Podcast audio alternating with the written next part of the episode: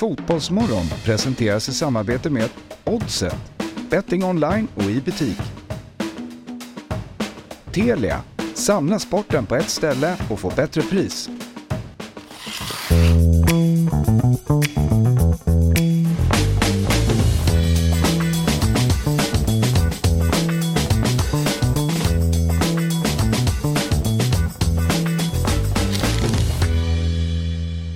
Morgon! Hjärtligt välkomna ska vara till Fotbollsmorgon. 13 februari, vecka 7. Jesper Hoffman, Fabian Ahlstrand är med mig här idag. Och Jesper, imorgon är det alla hjärtans dag. Hur laddar du upp inför den? Oj, hur laddar man upp inför den? Ja du, man ska vara extra snäll imorgon va? Ja, Mot allt och alla. ja. Även om jag tycker att jag är snäll eh, de övriga dagarna också, även mot Fabbe. Men eh, nej, men vi får, vi får eh, storsatsa och ehm, ja, Ja, jag fattar. Så vi gör. Ja. Och, och Fabian Ahlstrand är eh, härligt att ha det här. Och Mm. eh, vad härligt det var när du eh, körde högläsning i, eh, i fredags. Visst var det trevligt? Ja, Mm, ett litet boktips. ja det var... mm, det är många som vill ha tillbaka det segmentet att du Jag tycker att vi det. kör det varje fredag. Ja. Att du kommer med någon, liksom någon liten, eh, ja, men liten eh, högläsning. Okej, ja. Just högläsning. Ja. Ja. För det var härligt att få den stunden eh, tillsammans med dig och den här boken. Det var ju vardagar som du läste ur eh, utav Ulf Lundell. Har du tryckt alla liksom, delar utav den? Nej, nu är jag på tvåan. Mm.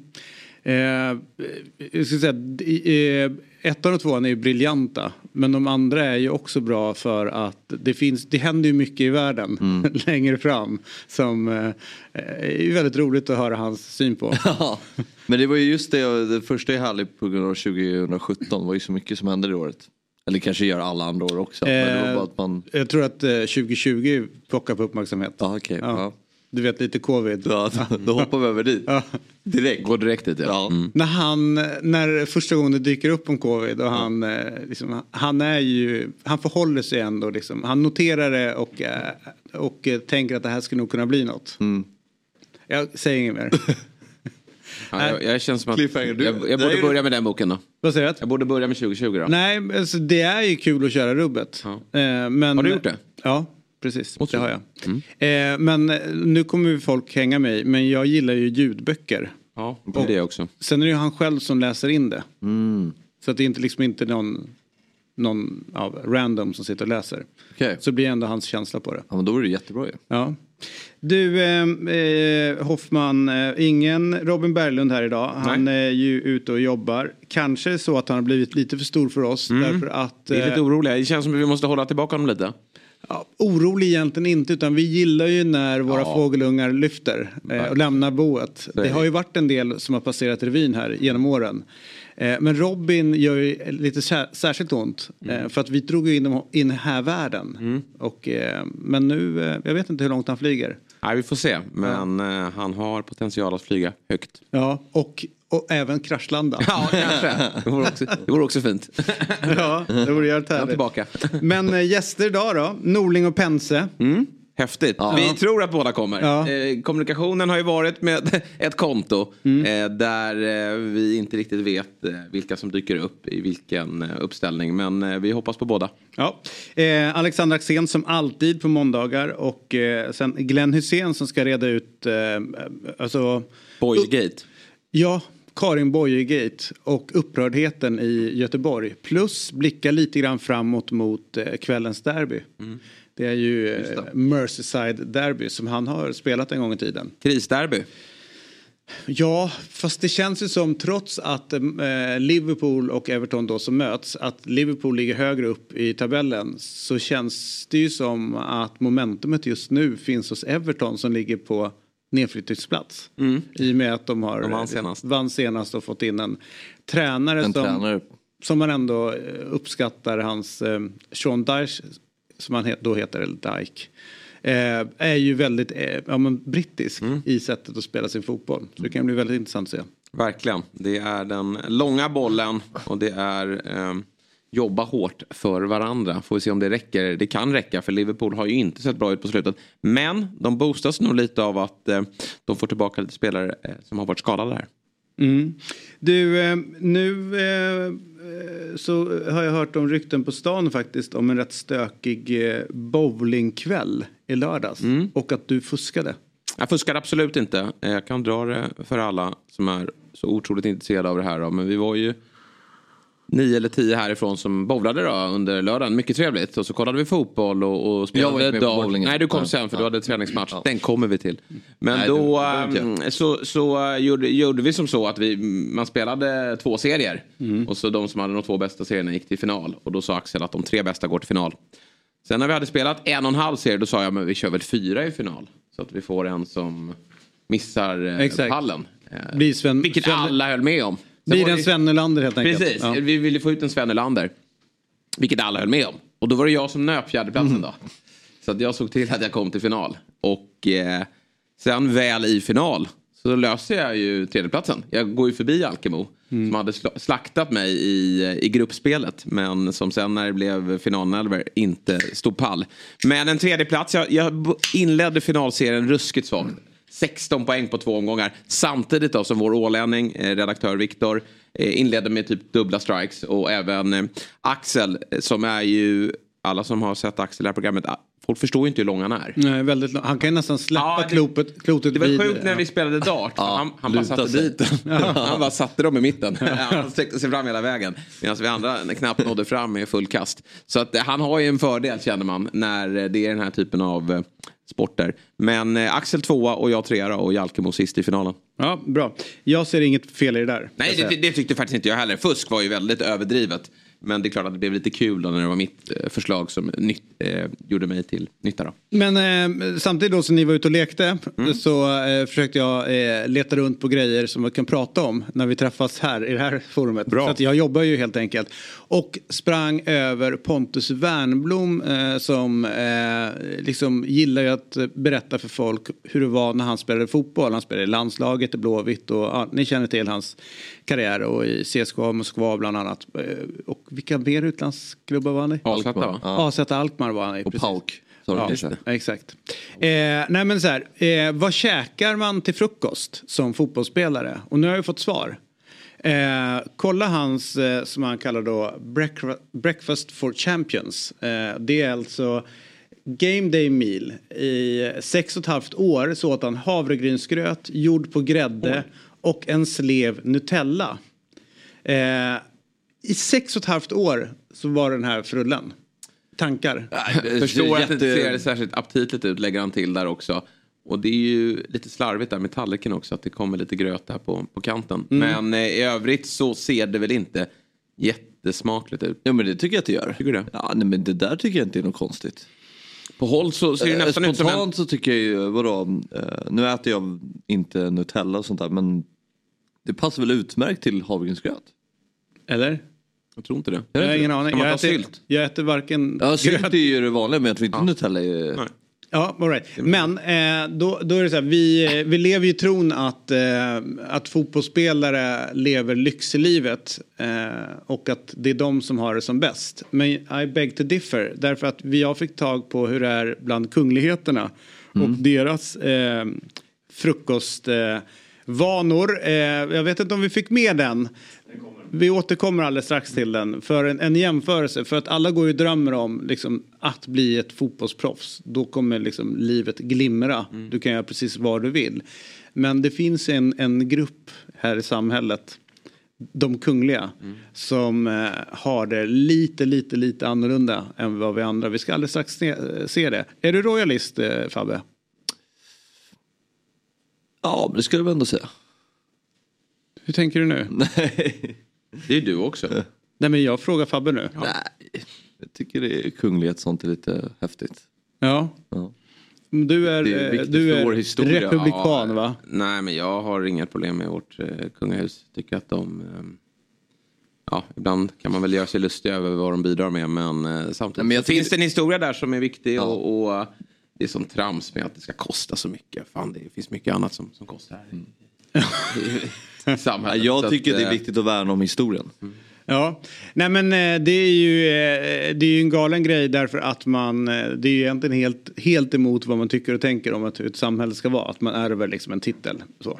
Men man är också helt, livs, man är helt livrädd för vem det är som skulle kunna bli vår president om det blev en president. Men framförallt, Princess Margaret då, inte då i Sverige utan i England. Hennes frukost är ju helt magiskt. Eh, klockan nio då på morgonen så får hon frukost i sängen. Följt av två timmar där hon lyssnar på radio eh, och eh, läser eh, nyheter, alltså tidningarna. Eh, som hon då liksom lite nonchalant kastar ner på golvet när hon eh, har läst klart. Och kedjeröker där i sängen också. Fram till klockan elva när hon eh, hoppar ner i badet som redan förberett då utav någon, Såklart. någon så här maid som fixar det. Där ligger hon och badar en timma. Eh, fram till klockan 12 då där de fixar hennes hår eh, och makeup eh, och så vidare. Där de, och, och sen sätter hon på sig då rena kläder. Det är inte konstigt men hon använder ju aldrig samma plagg två dagar i rad. Nej. Oavsett vad. Om det är liksom ett par gympabyxor som Fabbe traskar runt med ena dagen på träningen så är det inte samma Nej. dagen efter helt enkelt. Eh, och eh, sen eh, klockan 12.30, en halvtimme då med fixa, så går hon eh, ner och tar sig en vodka. Är Eh, ja visst, en, för att pick me up. För att liksom få lite fart på livet. Och sen klockan ett så går hon och sätter sig med sin eh, mamma då för en eh, fyra rätters eh, lunch. Eh, som då lite informellt serveras från silverfat. Eh. Trevligt upplägg ändå. Och en halv flaska vin per person och sen så eh, lite frukt och eh, ett halvt dussin, alltså sex stycken olika ostar som kommer då från, eh, från the Commonwealth. Ja. Det här är ju mer av ett life goal än att eh, bli fotbollsproffs och trycka det här havregrynen.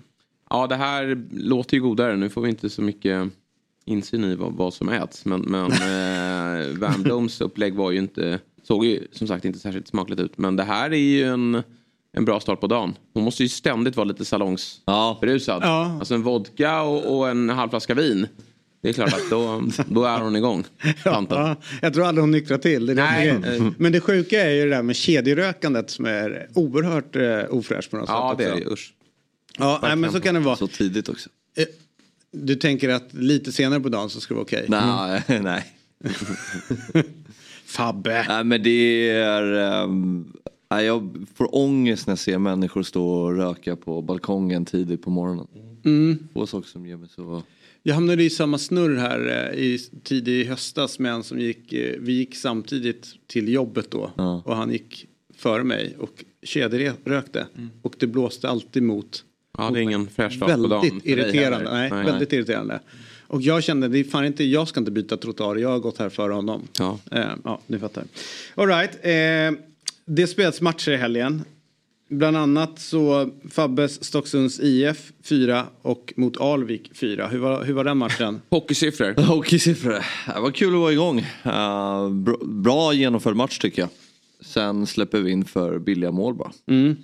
Bland annat tre på fasta situationer. Litet fiasko ändå va, med 4-4 mot ett division 7-lag. Men de är ganska bra. Okej. För att vara division 7. Mm. Eh, så uh, nej men det, det är sådär. Det, det, spelmässigt mycket bra. Vi Mm. borde gjort några mål till. Jag märker redan nu att jag kommer ha väldigt stora problem med att det inte kommer finnas linjedomare. Eller assisterande domare som man ska säga. Men För det- det, de kommer ju... Det ska du vara tacksam för. de för det får du hellre- femman, eller hur? Ja, men de, De, har ju, de är ju sämre än, Ja. att, ut, äh, än att vara utan. Men det jag märkt är att de hellre fäller än friar. Ja, ja. Alltså när det är en situation där det är ja, men 50-50 då kommer de blåsa. Och vi har två mål som är... Och varför är det så? Varför kan de inte Nej, jag håller med. fria istället för fälla? Det är Ja. roligare om det blir spel. Fast problemet är, de har ju oftast ingen koll här. Nej, det är Nej, det. det är det som är grejen. Så att det, ja, låt oss rulla vidare, men kul ändå att ni fick göra fyra mål. Eh, apropå fotbollstränare så är det så att eh, i Luton så hade de en som gick jättebra eh, och plockade upp dem eh, från, liksom, eh, ja, men från en icke-existerande tillvaro till att Luton då blev ett etablerat Championship-lag. Och alla var ju nyfikna på då Nathan Jones. Och till slut så fick han erbjudande om att plocka ett lag i eh, Premier League. Och det är klart att han gör det. Så att Nathan Jones tar över Southampton. Och det har ju varit en väldigt eh, stökig period för honom. Eh, där han då säger att han har fått göra avkall på sina principer och, att när han har varit manager då för Southampton så har han ju pratat om dem, alltså Southampton som han då tränar. Att de har inte gjort en bra match eller de har mycket lång väg att gå och sådana saker. Eh, det eh, blev ett jobb för honom i Premier League från november 2022 tills nu. Mm. Han har fått sparken. Mm. Eh, det är ju faktiskt helt otroligt hur, eh, hur klubbledare inte har tålamod med, eh, med managers. Nej. Utan att det sparkas hejvilt. Dels det, men sen tror jag också att det blev väldigt fel här. Alltså de fick in en individ som inte var redo den här uppgiften. För det tror jag att här, man sitter och pratar om att det finns bra Eh, interimlösningar, caretakers, vi pratar ofta om Big Sam. Mm. Alltså har du gjort det några gånger då vet du vad som krävs när du kliver in i ett sånt läge, i ett krisläge. Vad, vad behöver jag skruva på för att få fart på det här? Hur, hur ska jag få energi till den här gruppen? Och Nathan Jones då ganska oerfaren tränare i, på den här nivån och har varit framgångsrik i att bygga liksom, metodiskt eh, liksom, med små medel ta upp ett lag från lägre divisioner upp till eh, Championship då, med Luton och uh, nyttja de resurser som finns där. Nu kastas han in i en miljö som han är, inte har någon koll på.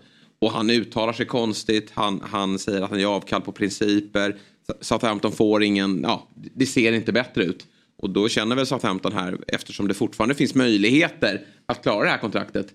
Även om förlusten i helgen då, vilket ju var droppen som fick rinna, bägaren att rinna över. Så man leder 1-0 hemma mot Wolves.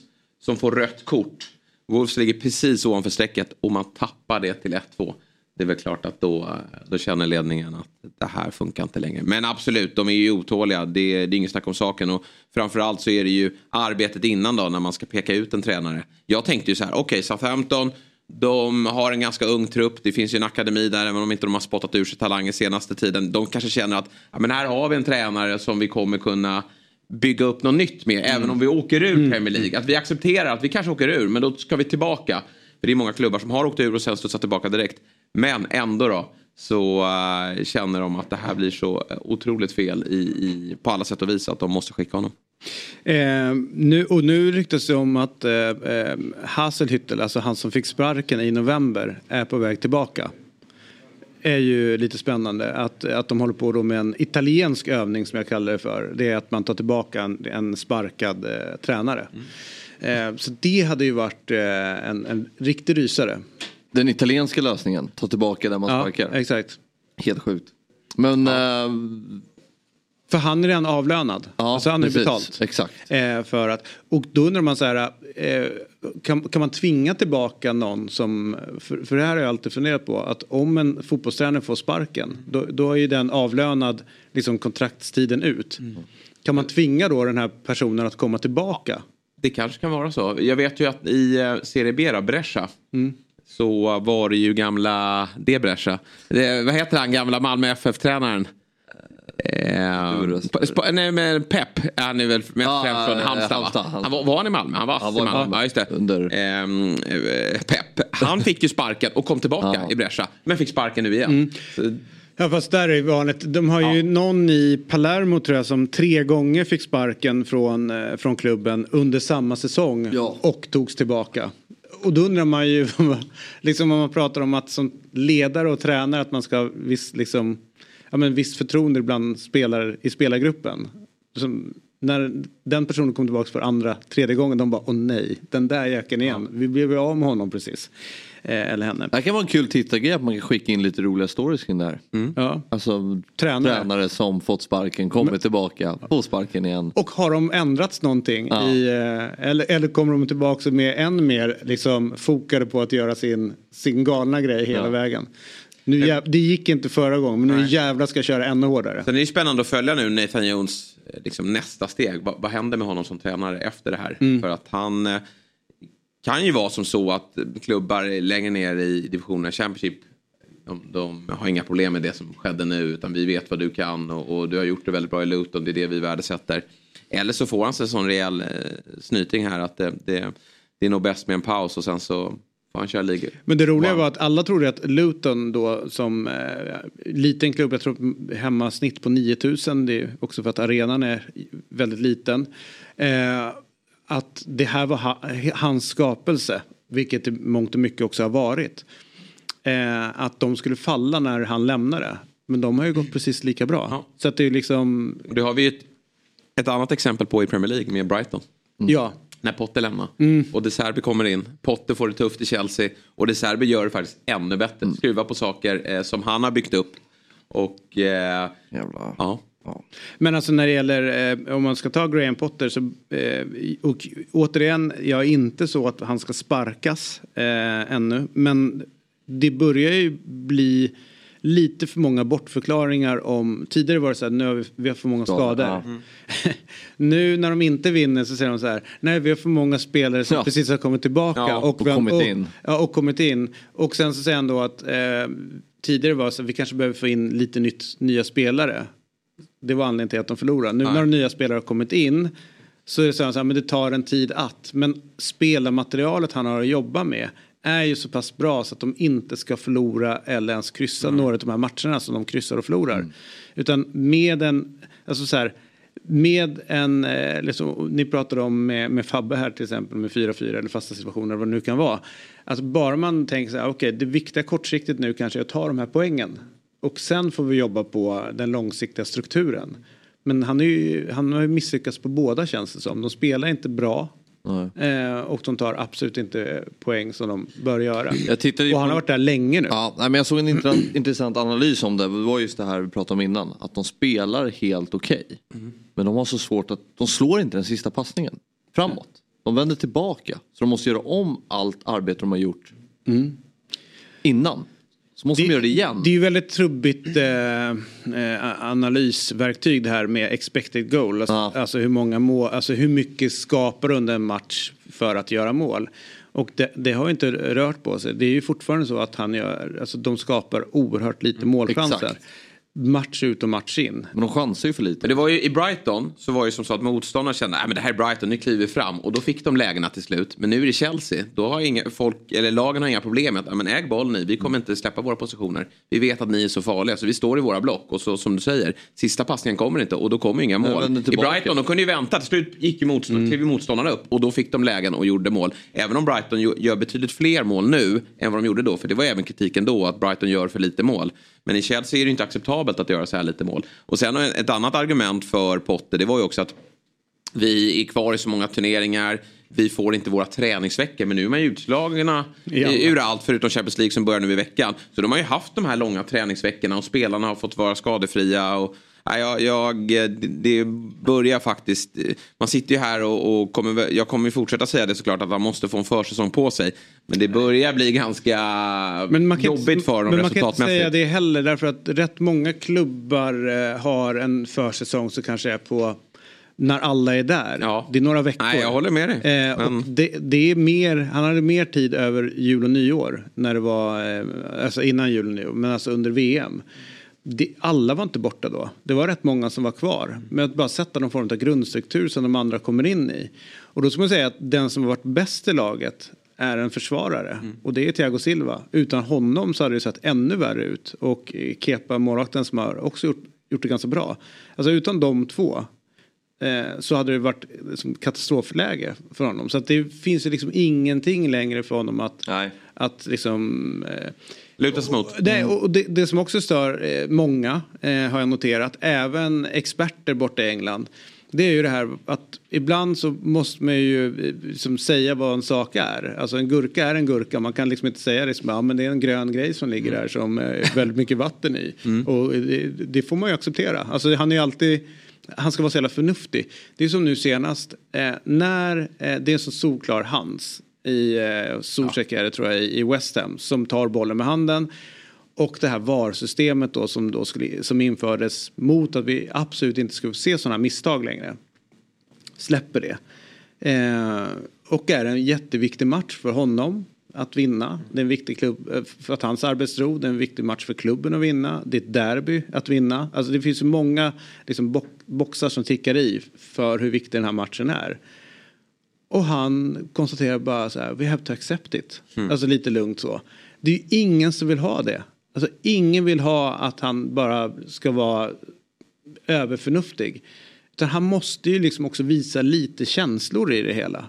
För, också för hans egen trovärdighet Mm, ja, tänker är jag. Han, han, han ser till så att hans tid där folk har liksom Ja, säga, acceptans har man väl men där, man liksom, där tålamodet börjar ta slut ordentligt. Där håller han på liksom Ja, men det är lite sig själv i rumpan med det småklubbsmenta- här. småklubbsmentalitet. Ja det är ju Men det. är också på tal om då kulturkrock för en tränare som är van vid en annan miljö. eh, Där det är någonstans inte är okej men man är van att bli luggad på, på felaktiga domslut och Mm. annat. Nu kommer han till ett Chelsea där, där förväntansbilden är att eh, man ska vinna allt. Och då vid ett sånt där domslut, alltså Klopp eller Pep eller någon, har ju sprungit in på mittplan. Sir Alex. Och, ja, Sir Alex. Där, men han, Alltså, har ju- han har ju Sir Alex någon. hade gjort, känns, ja. han hade gjort kaos Ja, med hela ja, nej, systemet. det. Han hade ju gått- klivit Ja. in, fan Och han hade slaktat Ja, varum alltså. ja, och man hade ju nästa- fått sätta Jo, jo. dubbla lås. Ja, och nästa gång så hade han ju säkert fått Ja, ja. li- så här, den här 50-50 Han grejen med score. sig. Ja, eller hur? Det hade ju blivit det. Ja. Men så, det, alltså, att inte förstå de grejerna och vad man är i näringskedjan är precis som du säger ett, ett jätteproblem. Så att jag, jag är jätteorolig för honom. sig. Ja. Det känns lite som att det där är generellt bland nya tränare att de är lite sådär processer och, och sådär och verkligen alla matcher lika viktiga. Det känns som att Både och, men om du kollar på Mikael Arteta som de jämför med. Mm. Han har ju inte hållit på att inte hålla igen mot, mot eh, domare. Eller mot... Han har jobbat med på- Pep. Påverka. Ja, det har han gjort. Och det gör han också där. Mm. Sen så tog de in en mental eh, coach nu i, i klubben. Också jättekonstigt. Kortsiktigt. Alltså ska in och jobba en, en period. Då blir man så här, men vänta. Det där är någonting som seriösa klubbar sätter och säger det här är viktigt, här ska vi jobba under lång tid. Man kommer förvisso från rugbyvärlden och ska vara någon, någon mirakelgörare runt det hela. Men, men ändå så här, ja, men vi tog in någon och ska jobba någon vecka. Vad är det för effekt? Alltså det, det, är ju, det har man ju hört i, i vissa klubbar i Sverige. Så här, men vi, vi tar in en ibland när det behövs lite grann. Det, det är ju de som verkligen får effekt med att ha en, en idrottspsykolog. Det är de som har Ja, ja. den personen i verksamheten varje dag hela tiden. får han samma lön som de advokaterna? Ja, Eh, borde få det. Ja, Panic. Ja, Eh, han Såg som- ni banderollen? Ja, ja. Panic on the streets of London. Ja. Det är ju så roligt. För de som inte vet, eh, känner till det då så är det ju eh, att Manchester City har ju fått eh, det här, eh, ja, riskerar att bli utkastade ur eh, ligan. Och har ju då värvat in en, eller två advokater. Men den ena då heter Panic. Eh, och då eh, huserar i London. Ja. Eh, och och är, ju- är ju ibland i supportled ansedd nästan som en Ett nyförvärv. nyförvärv. Borde du presentera dem med tröjan? det vore jätteroligt. 86. Men jag tycker så här, nu alla spyr på City-supportrar och eh, med all rätt med den här banderollen. Men det är ju Inte så, alls. Varför det? Nej men alltså de, de, de tycker att det här med fuskandet är, nej men att de är stolta över det här och inte stolta över det men de, de, de visar inte någon så här tillstymmelse till att vara kritiska mot sin klubb utan det är snarare tvärtom. Men om vi ska det finns hårdra- så kul i det här och att vi kommer att lösa det för vi har de bästa advokaterna och ni kan försöka att stoppa oss men vi, vi, eh, vi är störst, bäst och vackrast ändå. Och, och, men så där gör, skulle ju varenda Alla, klubb arbeta. ja. Jag vet ju hur supporterna funkar så att det är ingen konstigt. Men jag menar så här, det som är är ju, det de har gjort är säkert fifflat någonting med, med böcker. Men de har ju inte skapat ett lag, tänker jag, med spelare som, om man kollar på PSG till exempel. Där börjar man ju undra, hur kan de i en liga som inte omsätter lika mycket pengar ha råd och utrymme att ha Neymar, Mbappé, Messi, Verratti, Marquinhos precis. och så vidare. Där, um, Di Maria innan och ja, men, Ja, men det är Donnarumma. Då, då börjar man undra, här är någonting som inte, lag det är. det är någonting som inte Det- står rätt till. Ja. Men i... Så överlägsna är ju inte City sett i truppen. Nej, men Citys trupp. Det, det har ju inte varit så att de har köpt in och liksom tagit det bästa utan Jo. det- ja, han har ju skapat det bästa. Ja, jag tycker det. Cancelo som dyker upp helt plötsligt var ju inte så bra som han Nej. var innan han kom till dit. Nathan Ake som han värvade in var inte så bra som han är under Pep. Diaz var inte så bra innan som han blivit Kyle under Walker är Pep. nog tycker jag det bästa. Alltså, Ja, men han utvecklar ju spelare. ja, jag vet. Men Och- samtidigt plockar plock- han ju spelare för Ja, han spenderar ju väldigt mycket pengar, Ja. absolut. Men det gör ju faktiskt andra Det klubbar ju också. Det är väl United- bara att absolut. de andra finansierar genom att också sälja spelare. Det, det har väl inte City gjort Inte på samma sätt. Nej. Men Foden som plockas upp från egna led. Alltså, så här, de har inte gjort någonting som är exceptionellt över Nej, mot vad har- andra har gjort. nej. Så att på plan kan, Rodri. jag, ja, på plan kan jag ändå kä- känna att så här, nej, men, de har ju vunnit de här Men det är titlarna. som, jag det är ju tycker så här, känslan är väldigt ju... lik det de sysslar med i Östersund. Det är att Potters hantverk där är ju makalöst bra. Ja. Att han liksom byggde det laget med de spelarna. Problemet bara att ekonomin på vägen, eh, ja, det är högst tvivelaktigt. Hur, Ja, hur allting gått skap, och ja, hur skapat möjligheterna ingenting. kanske. Men, eller så är det så att de har Ja men som så här, ena eh, punkten för att eh, de har gjort fel det är att eh, Mancini ska ha fått mer, mer lön eh, än vad det officiellt var. Mm. Jag kan inte tycka att det på något sätt ska påverka det sportsliga. Alltså att en tränare får för mycket betalt. Nej. Eh, det- det- det- Men att påverka sportsliga är väl alla överens om att det inte gör det så mycket eller? Ja, men, men jag hävdar ju inte att de har fuskat på det sättet. Du menar att de inte ska få poängavdrag? Jo, alltså så här, det finns regler och de har de brutit. Jag tycker väl reglerna någonstans är fel i grunden. Snarare än det City har gjort som är fel. Eh, men de som säger nu att de har vunnit ligan på grund av de här sakerna. Ja men kanske viss rätt med att de kanske har någon spelare där. Men om man ser på planen vad som hände och det är ju ganska intressant tänker jag med vad eh, ja, men Pep säger så här. Ja det var vårt fel att eh, Gerard eh, halkade. Alltså det var, det är inte det som har hänt på, nere på plan eller när Agüero gör det där målet i sista sekunden och, och allting exploderar. Den känslan. Det är redan från då. Ja. Så det är så, det är så långt bak vi Exakt. hittar allt det här, okej? Ja.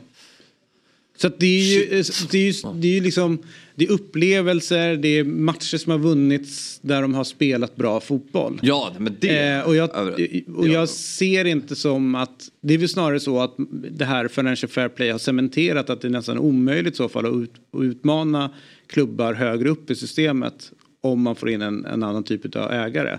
Så att, så att hantverket och det som hänt på planen tycker jag ändå ska hållas skyddade på något sätt. Sen gärna straffa dem utanför eh, för det de har gjort fel. Att det blir individuella straff mot vd eller finanschef eller liknande. Att de då får de Ja, straffen. Och sen får Du de, menar de, retroaktivt ta bort titlar och sådär? det blir bara fjantigt. Ja, det blir fjantigt. Det blir bara fjantigt. konstigt. Ja, det- liksom, Då det ska en ny vinnare koras och då blir, kommer det bara... Nej men gå in på individnivå. Liksom. Mourinho får en... eh, Mourinho får... Det hade ju verkligen varit något som, som jag tror folk... För nu blir det så diffust. Nu är det så här att det är City som har gjort felet. Ja. Ja. eller så är det några muppar som sitter högre upp på kontor. Ganska långt ifrån den sportsliga verksamheten är som har gjort felet. Kul om Mourinho fick en ligatitel med United. Då kommer det snackas. Om det kommer snackas. Ehm, som även... Han kan ju få det nu va? Ja, De Ja, om de ska göra det. 15, Men 16. återigen, skulle de rycka titlar. Då tycker jag faktiskt att då får de bara åren försvinna från eh, fotbollen. Jag tycker inte man kan ge titlar. Det blir I märkligt för Italien- alla inblandade. Inter fick Ja, in, väl... ja exakt. Ja, För I 0-16, Calciopoli så ja. fick ju de när... Hur glada är de för det? Nej, nej, nej. Ja, ganska glada Ja, det är säga. Därför att de Ja, för att Juventus blev av med ja. Exakt. Ja. Så det är ju det som är grejen. Att man, men då tänker jag också att eh, man, man löser inte hela problemet helt i, i att bara rycka titeln för någon. Därför att om man då ska hårdra det så är det ju så att om Inter då, eller Juventus då i det här fallet inte fick sin titel och inte fick den då blir det också konsekvenser till längre ner. Det är något lag i så fall som egentligen bör hamna högre upp i ligan, alltså spelat Champions League-fotboll det året. Vad hade det potentiellt gett för klubben och klubbens anseende, ekonomi och så vidare? Om det nu blir det här fallet, det, de lagen som har kommit på femte plats de åren Ja. när Manchester City vann, borde då rimligtvis ha spelat i Champions League, fått större intäkter. Alltså det blir ju en, alltså hur rättar man till det? Nej, det är svårt. hela vägen ner så att det ska bli rättvist. Det är mm, oklart. Du, eh, innan vi eh, ska ta oss an Axén, Alexander Axén och eh, Norling och Pense. Eh, De är på plats här nu i katakomberna. och även Glenn Hysén som ska reda ut det som hände i, alltså det är Göteborg, de är så arga, en del är jättearga i Göteborg över någon Boye-gate. Just det. Eh, det ska bli intressant att se också hur eh, Hussein hanterar den. Och sen så ska vi också kolla här. Vet du vad det här är för någonting? Jag ser att det är en IFK Göteborgs-påse. Ja. Det blir intressant att se Det är vad som har deras nya tröja. Oj. Årets tröja. Wow. Så eh, är det ju dags att eh, Jesper Hoffman som är dagens spelexpert ska ta tag i eh, dagens spel från Svenska Spel som är tillsammans med Oddset, Svenska Spel, Sport och Casino AB. Åldersgräns 18 år, stödlinjen.se om du eller någon i din närhet har problem med spelandet. Och du har tagit fram en dubbel inför kvällen. Mm. Man skulle kunna kalla det för tråkspel, men det är väl aldrig tråkigt att vinna, känner jag. Och det är dags att inleda veckan med en, eh, en peng. Eh, jag vet att du, du får frångå din princip, David, att bara spela en tia. 15 kronor, vi har inflation i samhället. 15 kronor har du råd med. Och då får du en lunch här borta på ICA. Jag väljer att spela jättarna. Vi har ju alltså Merseyside-derby ikväll. Liverpool mot Everton. Everton visserligen på eh, G. De vann mm. förra matchen. Ja. Alltså så här, eh, torskat varenda match. De är på G nu. på G. Men de saknar också sin anfallsstjärna eh, Eh, Dominic Calvert-Lewin. Så han kommer inte till spel, han är ljumskadad. Då tror jag att de får svårt att göra mål i den här matchen. Och Liverpool med lite tillbaka, alltså spelare tillbaka. Jag tror att Jota finns på bänken faktiskt. Kanske att van Dijk också är där. Det boostar Liverpool. De vinner den här matchen och håller nollan. Och det gäller även inte faktiskt, som ju har jag tror de har tre raka segrar nu. Sampdoria är ju näst sist. Mm. Hopplöst kalla. Inter har två raka. Två senaste har de vunnit med 1-0. Så att eh, vi, vi spelar helt enkelt jättarna. Liverpool, Inter att vinna och hålla nollan. Och till det så får vi hela 5,61 gånger pengarna. Mm. Blir det byte då? Genoa går väl starkt i Serie B? Sampdoria ner? Ja, det kan vara så tyvärr kan vara så tyvärr. Alltså, det, var ju man vill ha derbyn. fotbollsarenorna. För precis en vecka sedan satt jag och kollade på, jag har ju ett starkt bankande hjärta för Sampdoria också.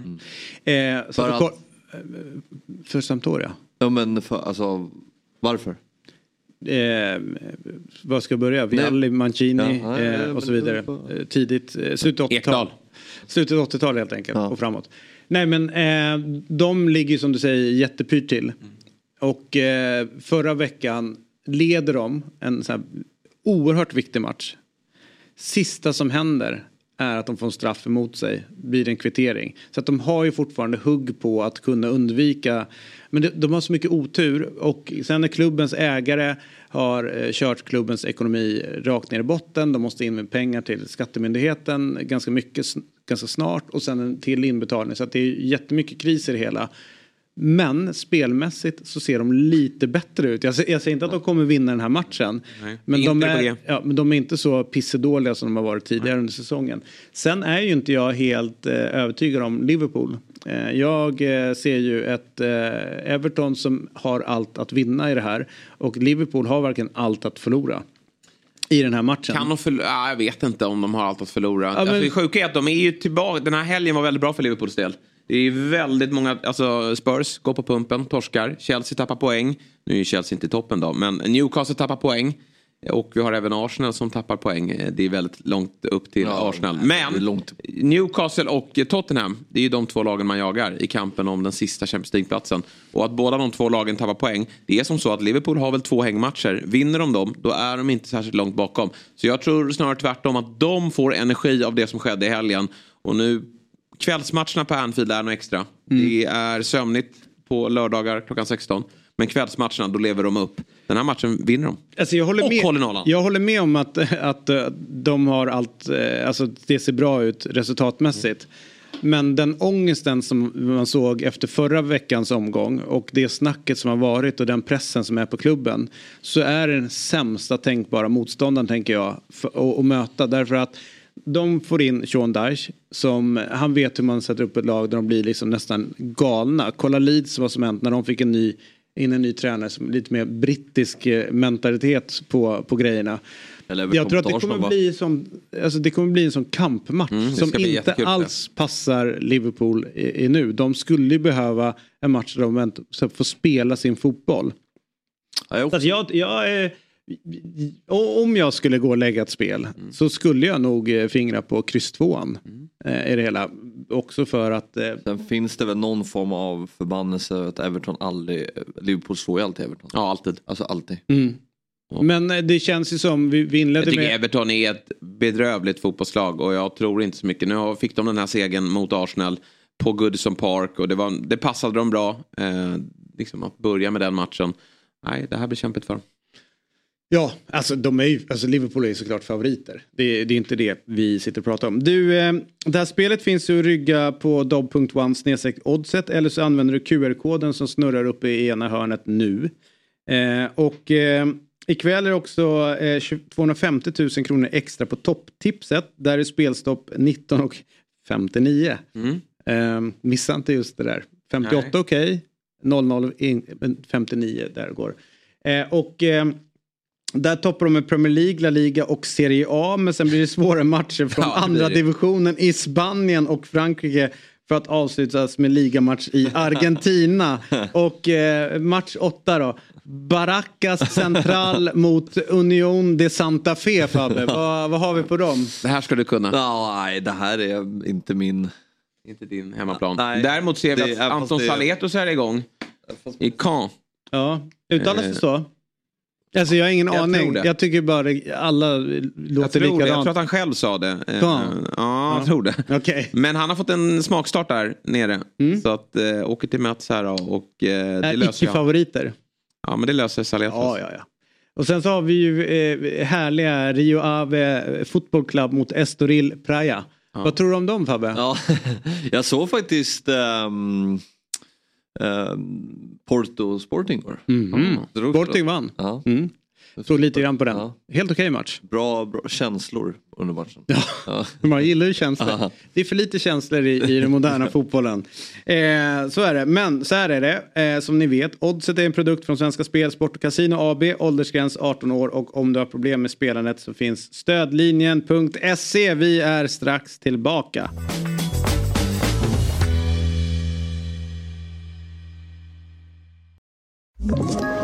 Ett poddtips från Podplay.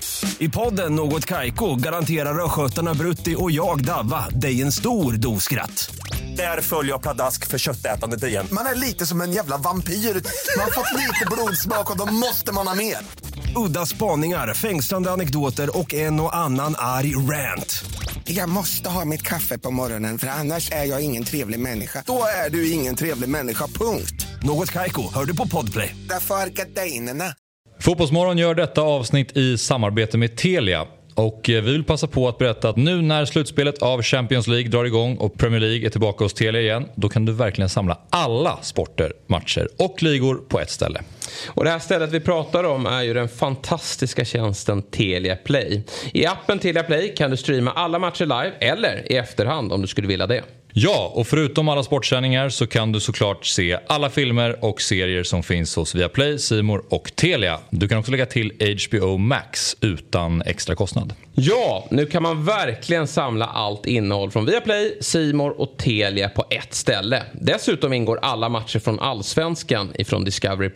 Och priset då? Jo, det är kostnadsfritt i en månad. Därefter kostar det 749 kronor i månaden. Du sparar alltså över 500 kronor per månad jämfört med att köpa tjänsterna separat. Helt oslagbart. Tack Telia som är med och sponsrar Fotbollsmorgon.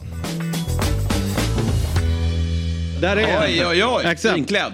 Här sitter vi i studion. Det är David Fjell, eh, det är Jesper Hoffman och eh, Alexander eh, Axén, höll på att säga, Fabian Ahlstrand. Med Vi är oss rätt lika. har vi Alexander Axén, expert på Discovery Plus, men framför allt är ju mest känd som en väldigt duktig fotbollstränare.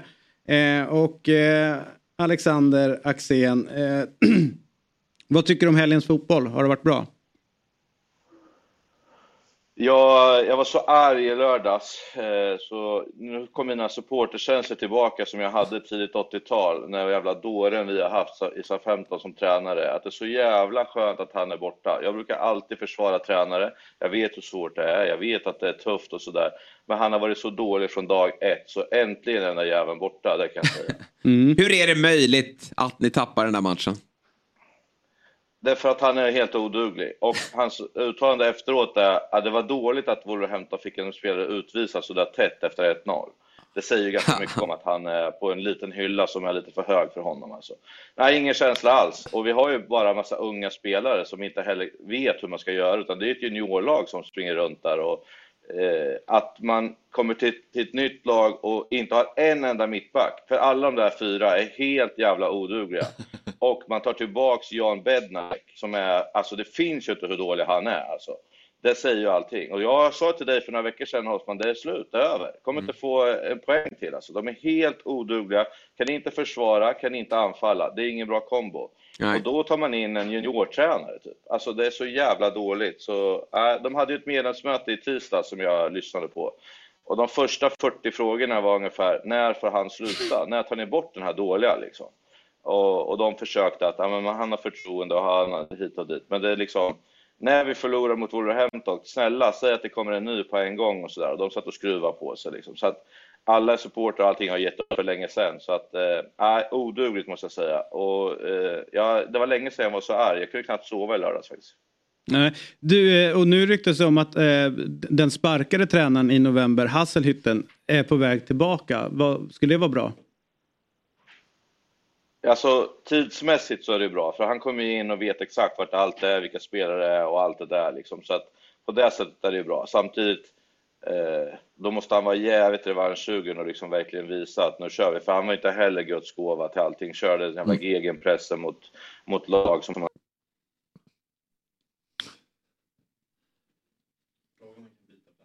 Mm. Eh, Vi, tapp, vi tappar dig lite grann. Finns det någon annan plats i ditt eh, eh, exklusiva hem där kanske det är bättre uppkoppling än där du sitter nu? är det. Stökig uppkoppling. där är ibland... Skakig lina, Axén. Kul Eh, att se en så här förbannad. ja, precis. Och där försvann han också. Det är därför Han- inte har på sig dartbutik idag. Ja, det skulle komma några icke passande ord. Nu då? Hallå? Hör du oss? Nu hör jag er igen. Ja, nu hör jag er igen. Ja. Ja. Det verkar vara en lite skakig linje precis där du sitter. Finns det någon annanstans i ditt exklusiva hem där du kanske har bättre uppkoppling? Eh,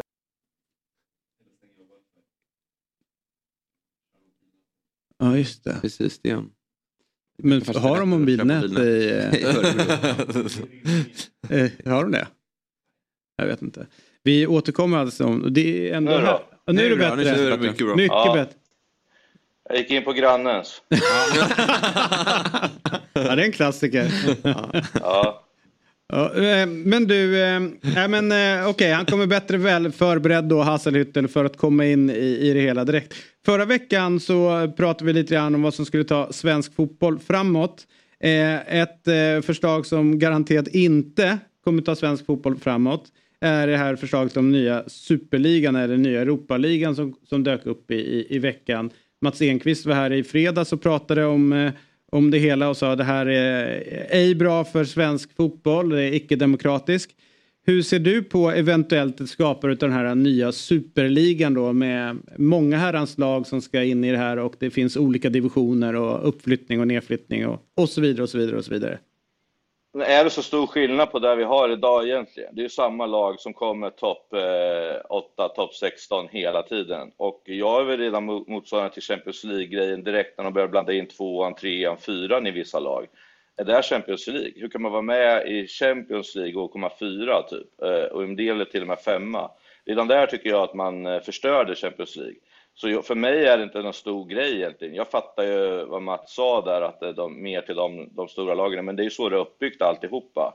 Så jag skulle vilja tillbaks eh, att Champions League var bara för mästarna och sen så har du då de här andra. Och jag skulle lägga till en cup, eh, eh, alltså cupvinnar, gamla cupvinnarcupen var ju magisk. Mm.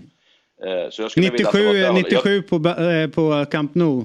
Bam! Ja, där, där satt den. Ja. Då var du Fabbe, då skulle jag varit med. Det är lite Ja. annat än att springa runt och möta lite tjecker hit och dit och letter och grejer. det var riktiga möten. Var du på plats på No Camp då? Uppe i hörnet. Ja, den där. Såklart. Var det När- Pagge skickar Ja, ja. hela, hela Barca i kassen. Sett. Ja, verkligen. Helt overkligt. Boll och målvakt ribba in, det är överlägset. Det är, det är mitt favoritmål någonsin. Ja, det är galet. Men du, jag, jag håller helt med dig för, för det här skiftet som blev. En gång i tiden så var det ju mästar, mästarkuppen, det var ju Europacupen, det var liksom mästarlag. Exakt. Och eh, det enda sättet att få en, en bättre tävlingsbalans är ju att färre lag får göra upp ute i Europa. Det, det måste ju vara det. Och att det viktiga är att man återtar, liksom, det viktiga är att vinna sin inhemska liga eller kuppen där eller kanske då nå en tredje plats.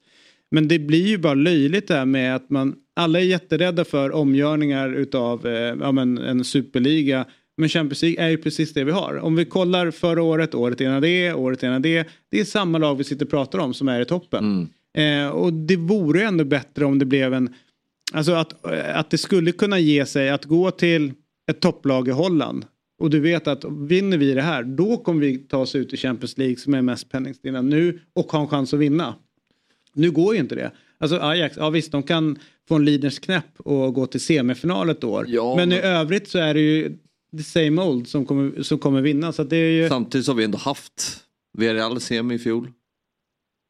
Benfica kvartsfinal. Alltså det händer ju ändå att lag tar sig relativt långt. Jo, men för, förstår du Benfica vilken chans de skulle ha om inte det var fem lag från England och fem lag från dem och fyra lag från dem och så här typ. Det är Mm. inte värdigt liksom. Alltså så. Eh, Så att, eh, jag, jag tycker att den har varit utvattnad direkt. Och det var ju som ett led i att de andra klubbarna liksom kom efter. Eh, Du kan ju tänka dig om Malmö hade vunnit som i Rosenborg Ja. eh, tio år i rad, att då hade vi gnällt på det, att de fick komma ut dit hela tiden. Men bli bättre då, vinn där i så fall. det- Nu är det så här liksom, topp fyra, topp fem får åka ut och göra samma saker. Jag, jag tycker att eh, det har varit utvattnat då och det är, det är för mig en superliga när de gjorde så. Men du skulle, så ni tycker att det ska vara vinnarna från varje liga i Europa Ja. Men då skulle Eller, ju... eller åtminstone om man vänder på det och säger så här att alla som vinner i, respektive land är garanterad plats i huvudturneringen. Sen om de vill hålla på med en övning att lag 2, 3, 4 i England också ska få en plats. Då får de kvala för att ta sig Ja, in. det, heter inte, det heter inte Champions League då Fabbe, då får det heta något annat. Ja. För att Champions League, det betyder att man är mästare och då är det bara mästaren som kan vara med. Och så får det vara en annan turnering för de som är tvåa, trea, fyra. Och sen så får det vara eh, cupvinnarcupen tycker jag, alltså att den är tillbaka. Ja. Eh, Och och sen så skulle det kunna det vara... Det skulle kunna vara att eh, lag eller liksom, som är rankade från eh, 20 och neråt, de har också en turnering. Eh, så att eh, ligorna som är rankade på lägre har sin så att kallade Champions League eller någonting där. Liksom. För att eh, som det är nu så det är det är samma, så sitter och slåss för någonting som redan är tycker jag. Jag, jag förstod inte riktigt, eller jag förstår ju att man är emot det, men jag tycker att det är precis det vi har hållit på med hela tiden. Jag tycker det största problemet i regelverket var inom ligorna. Jag tycker till exempel i Premier League och eller League och i Italien. Framförallt i Premier League så borde det vara ett regel att man måste ha x antal inhemska spelare i varje lag. Kanske till och med i startelvan. Jag tycker att det, blir, det börjar bli för mycket att ja, man kollar Chelsea. Grejen är att eh, du har ju helt rätt i den tanken och så var det tidigt men EU gör ju att det inte går att få det. Du, det är ju fri rörlighet på, alltså du ska Mm. kunna ta ett jobb var som helst inom, inom unionen och då faller det. Det är Mm. likadant där med Bosman-domen var det också att man inte kunde ta betalt för de som inte har kontrakt. Tidigare, det var ju därför liksom den här, det här dök upp. Tidigare så var det ju låst till en klubb, även fast du inte hade kontrakt med det så kunde klubben sälja, sälja dig. Men det var ju han då, Bosman, som tog då det här till, till rättegång. Och då blev det ju så att om du har spelat ut ditt kontrakt, då är du fri att göra precis vad du vill. Så att det här fanns ju en gång tidigare. Men det gick ju strikt i stäv mot den, den rådande lagstiftning som finns på en arbetsmarknad. Så att det är det som gör att det är lite mer problematiskt. Men däremot så kan man ju skruva på det och säga att man ska ha visst antal homegrown. Eller så kan man sätta ett tak på så här många spelare får du registrera för att spela i ditt, eh, i ditt A-lag. Eh, och utav dem så måste visst antal vara homegrown. Det skulle kunna vara någonting. Men sen om du köper in hur många som helst eh, utöver det så, så får de Ja, för jag- spela. För det är det, det som är så konstigt där de sitter med, ja, men, kolla Chelsea nu på slutet, sitter med tusentals spelare som är jättebra. Som vi faktiskt skulle vilja se Precis. spela fotboll Ja. men inte får göra Nej. det. För att de sitter på en, ja, men, på en läktare. Så att det gör ju också att liksom, alla säger så här, vi vill se de bästa lagen, vi får inte ens se de bästa spelarna för att många av dem sitter på en bänk. I de eh, ja, största... Ja, men för mig är inte superligan Champions League, för mig är superligan Premier League. Det är där de, de bästa spelarna, där de bästa tränarna hamnar. Ja, just nu är den det. utvecklingen kom, nej, men den kommer ju bara fortsätta den utvecklingen som det ser ut just nu. Och att det finns en spänning från eh, augusti fram till maj. Alltså idag är det ju som så att Newcastle kan kliva upp till en fjärde plats och att ett eh, lag som ligger på 16 plats kan lugga Liverpool på tre poäng. Champions League under hösten är ju dött. Det är för stor skillnad mellan lagen. Det är ju de Det är här... en grupp som alltid är typ spännande. Resten är ju avgjord efter tre gånger. Och då tror jag att tävlingsbranschen hade blivit bättre om, om man... eh, Nu är det lite... Det, hade, ja, det som är kul nu för många är att de sitter... Ja, kan vi nå en fjärde plats och nå till Champions League? Alltså i, i ligan. Att man har det att spela för. Arsenal Men- leder. Ja, nej men om du jag menar att någonstans sitter rätt många och säger så här, om vi bara kommer på fjärde plats så kommer vi till Champions League. Att, att det har blivit något. Men jag tror ju också att om det hade blivit så att fler klubbar har, alltså att Malmö är garanterad en plats i Champions League när de vinner eh, i allsvenskan så tror jag att eh, på längre sikt så kommer det ekonomiska, då kommer de tjäna så pass mycket pengar så att de inte behöver bli den här strykpåsen. Men som det är nu, då vet man att de har inte en chans att göra en som 1979 och ta sig till en final. Det är tråkigt. Vi kommer inte se en Röda Stjärnan som går långt som vi gjorde i början på 90-talet. Vi kommer inte se ett Marseille därför att det har blivit, det är liksom de, de stora ländernas lag har för många platser. Och då, ja, det, det är en skev tävlingsbalans på det sättet. Som jag tror att det enda sättet Rosen, man... Rosenborg eh, var ju framgångsrika när de fick år efter år komma ut i Champions League. Mm. Så var ju de bra. Det var ju många lag som åkte upp dit till Erkedal och fick jävligt jobbigt alltså. Så innan de började utveckla att fler och fler lag fick vara med. Och då försvann de ju. Det var ju andra saker som gjorde att det var dåligt också i, i Rosenborg. Men, men de kunde ju verkligen varje år utmana på riktigt och gå ganska långt faktiskt. Eh, Mm.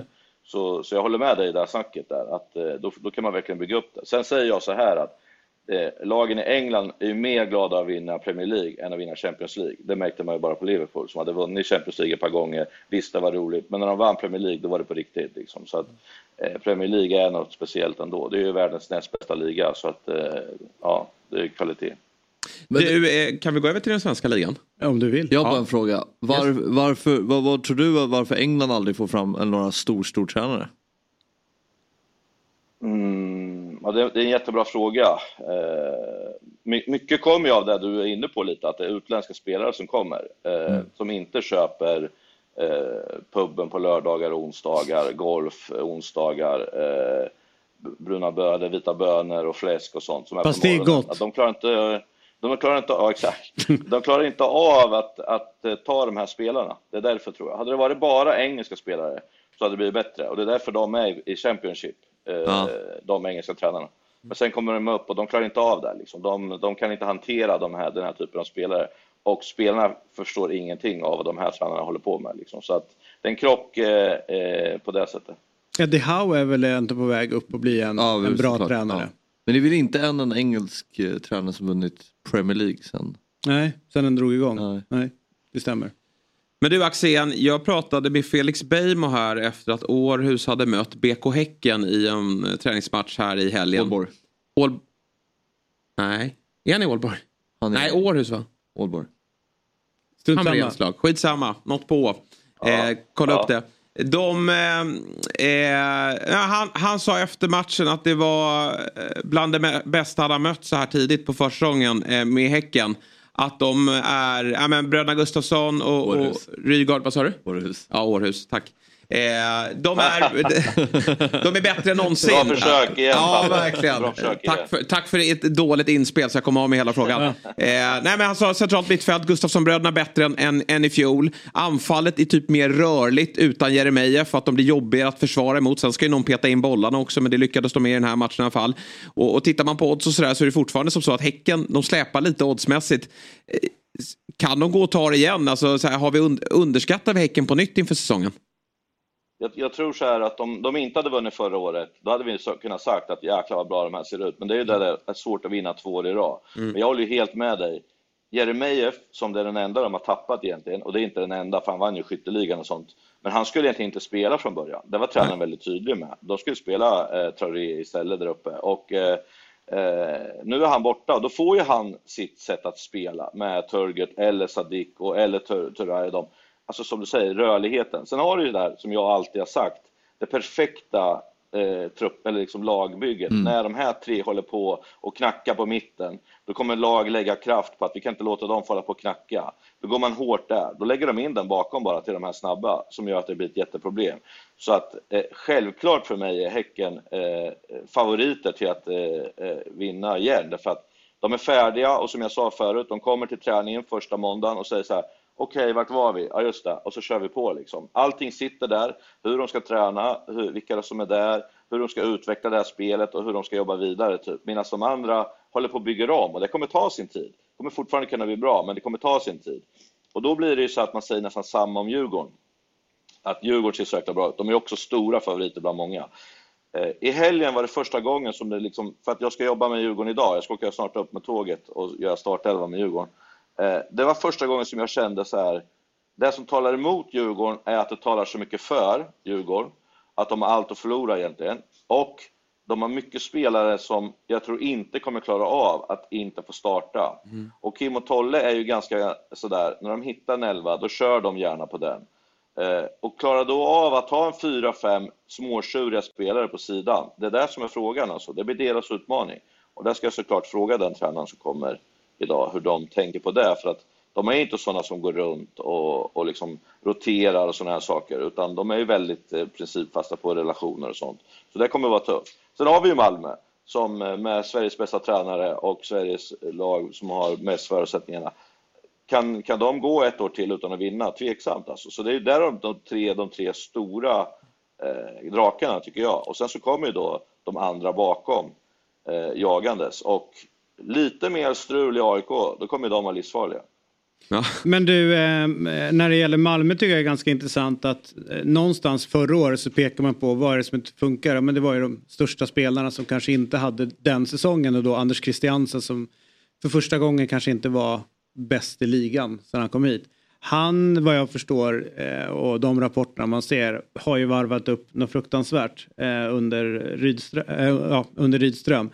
Så att, eh, när man pratar om liksom, Häckens, deras mittfält och, Ja. och vad de har. Så om, om han, med den kvaliteten som finns i MFFs trupp, om han bara får ut 90 procent av det som finns där, så ser jag dem som klara favoriter. Eh, med en riktig tränare på plats och, eh, och de, de kvaliteterna. Men Kiese Thelin... Och missar Europa. Tänk om det skulle Ja. vara så också, att Malmö inte vinner kuppen. Det, det, för det, är, det är ju bra för, för Malmö FF såklart. Alltså, de vill ju vinna kuppen för att de behöver eh, pengarna som, som finns där ute. Men skulle de nu missa Europa, då har jag väldigt svårt att se Malmö FF över 30 omgångar eh, Missa SM-guldet. Ja, men och sen så är det ju de, eh, Kiese med, med rätt, rätt förutsättningar kommer ju eh, se och vinna skytteligan. Eh, det är inga konstigheter. Eh, och sen så Christiansen som är ju bästa spelaren. Han har varit det nästan alla år han har varit här. Så att jag håller med dig om att, att Häcken ser bra ut men det trycket som kommer bli runt Malmö, men jag har svårt att se att Ja, några tar dem. sån som Penja. Finns också. Med Rydström. Ja. Ja. Kan ju, alltså, Borde vara när han går på halvfart så dominerar han ju liksom med sina passningar. Och nu när han får en tränare som kan få honom att göra det han ska göra. Och, och att de gör det som ett lag. Tidigare, liksom med, tidigare med alla tränarbyten och alltihopa så känns det som att det varit ner till den individuella kvaliteten hos dem. Men det räckte inte riktigt när det började hacka. Så att jag tror att med en struktur så kan de bli livsfarliga. Sen tror jag också med Häcken, man ska De borde ju vara där. Men, men om, du, om vi ska välja, kantspelarna är inte wow, känner jag, med Malmö. Det, det kommer räcka många Jaha. matcher, men det är inte wow liksom med Nanasi, Taha Ali, Seydou, Sören Rex. Det är liksom inte wow, tycker inte jag. Är det, är det. det just där man vinner, match, eh, vinner då? Jag tänker mer att det är väl när man eh, bedömer Häcken så är det deras centrala mittfält som gör att, att de var överlägsna där och de fick den målskytten, alltså den som eh, sätter dit bollarna. Du, eh, jag känner att Malmö har både det centrala mittfältet där de absolut kan stå upp mot Häcken men framförallt att eh, i mina ögon seriens bästa forward just nu. Jo, men då hade ju eh, Häcken Jeremejeff, men det var ju kantspelarna som ofta spelade in dem. Ytterbackarna blev bättre och bättre, vilket Malmös definitivt i Tinnerholm är ett otroligt steg uppåt mot vad de har haft. Men, eh, men du har också Sadik och du hade den här eh, andra eh, norrmannen som kom på kanten och hade mycket assist på slutet och avgjorde mycket. Du måste ha igång dem också, det blir för enkelt om det bara är en spelare eller två spelare, så de måste också producera. Och Taha Ali, det är ju liksom en, det är en diamant som inte är klokt alltså, men frågan är om han får till det och eh, hur mycket de kommer sparka på honom liksom så. så att, eh, men, men jag tycker inte att det andra är inte wow liksom. Men det, är jag- du, jag det, du, det är du som är expert så att, eh, jag, jag kan inte säga emot dig. vad sa men- du? Nej men de är ju klart att de ska vara favoriter, eh, det har du helt rätt i David, såklart. Liksom. Eh, vi har ju alltid sagt att de eh, är bäst varje år och mest pengar och allting, det har ju inte förändrats. Nej. Och eh, nu har de fått in en tränare, tycker alla, som är jättebra också. Så att, eh, om vi ska gå efter det så tycker jag ju snarare som du säger att de ska vara hö- skyhöga favoriter. Men Du tycker inte han är bra eller? Så bra som de säger? Jo, jo, jo, jo, jo, jo, jo, jo. förstå mig rätt. Därför menar jag att de ska vara självklara favoriter. Mm, jag fattar. Men jag tycker att det fattas lite bitar. Men, eh, Det hinner ändra sig. Det är långt Med, kvar. med Häcken om man bara ska avsluta, de släppte in lite för mycket mål Ja. förra säsongen. Alltså även fast man snackar om att man ska ersätta ah, Jeremejeffs mål. Men man kan ju också släppa in 15 färre än vad de gjorde i fjol. Precis. Eh, så, Där finns det förbättringspotential. Ja, ja, ja. Men det, det måste också tänka att det gjorde de på slutet, började de hålla nollor och grejer, när ytterbackarna växte in i det. Det är två jätteunga som de spelar där. Tre som de gick runt på egentligen. Ja. Och, och mittbackarna växte också in i det och Abrahamsson var skadefri. Så att tittar du på slutet av serien, då är det ganska stängt där. Då Ja. de bara gjorde som de ville egentligen. Så att eh, jag håller med dig i början, men det, jag är lite sådär, det skiter jag i om det blir 5-2 eller 4-3 och sådär, bara man vinner. Men Mm. på slutet, då, då hittar de ju sitt försvarsspel också, så stängde de bara ner det.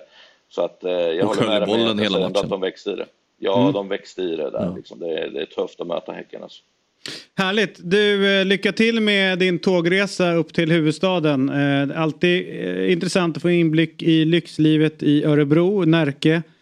Noterar att... Nu är det så här David, att vi gör ju eh, Fotbollens Karlavagnen gör ju comeback imorgon i Fans Corner Sverige. Jag förväntar mig att du ringer in här nu men kommer dina kloka tankar någon gång och får igång lite snack. Vi kör ju live från klockan åtta till ja, senast tio där supportrarna får ringa in och prata om just sådana här saker. Vilka ser bäst ut? Hur ska man förbättra? Eh, 51%-regeln, VAR-diskussion. Allt det där kan man ringa in. Så vi kallar oss ju för fotboll, fotbollens Karlavagnen, så det har varit härliga samtal ibland som ringer in. Och vi gör ju då eh, ett, en återstart imorgon klockan eh, 20.00 ja, Så spännande. du får jättegärna ringa in. Jag, jag har ju lovat att jag ska göra det. Om ni är Karlavagnen så är vi Godmorgon Sverige helt enkelt. Verkligen, och ni, ni gör ett jäkla jobb alltså. Det är så jävla mysigt att gå ut med jycken och gå och lyssna hela tiden och sådär. Och blandade kvaliteter med gäster och sånt och när Fabbe är där. Så att det ju- man får allting liksom. ja, och Fabbes högläsning går inte av för hacker heller. Ja, det var bland det värsta jag har hört faktiskt. Dels är Ulf Lundell ingen eh, favorit, men när han läste då var det ju ta fan 1B trodde man var på. Norrbyskolan 1B liksom. Där har du mycket att jobba med Fabbe. Du måste ha lite känsla när du läser. Pondusen. Pondusen. Ja, äh, vi, eh, vi, vi, ska ta, vi ska ta med oss det och prata med Fabbe om det.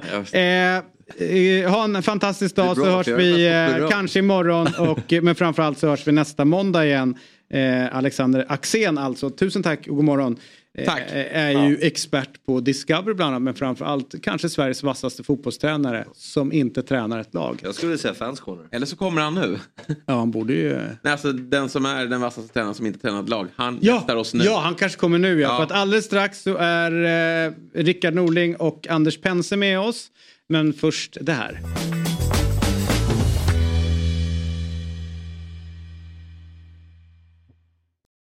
Ny säsong av Robinson på TV4 Play.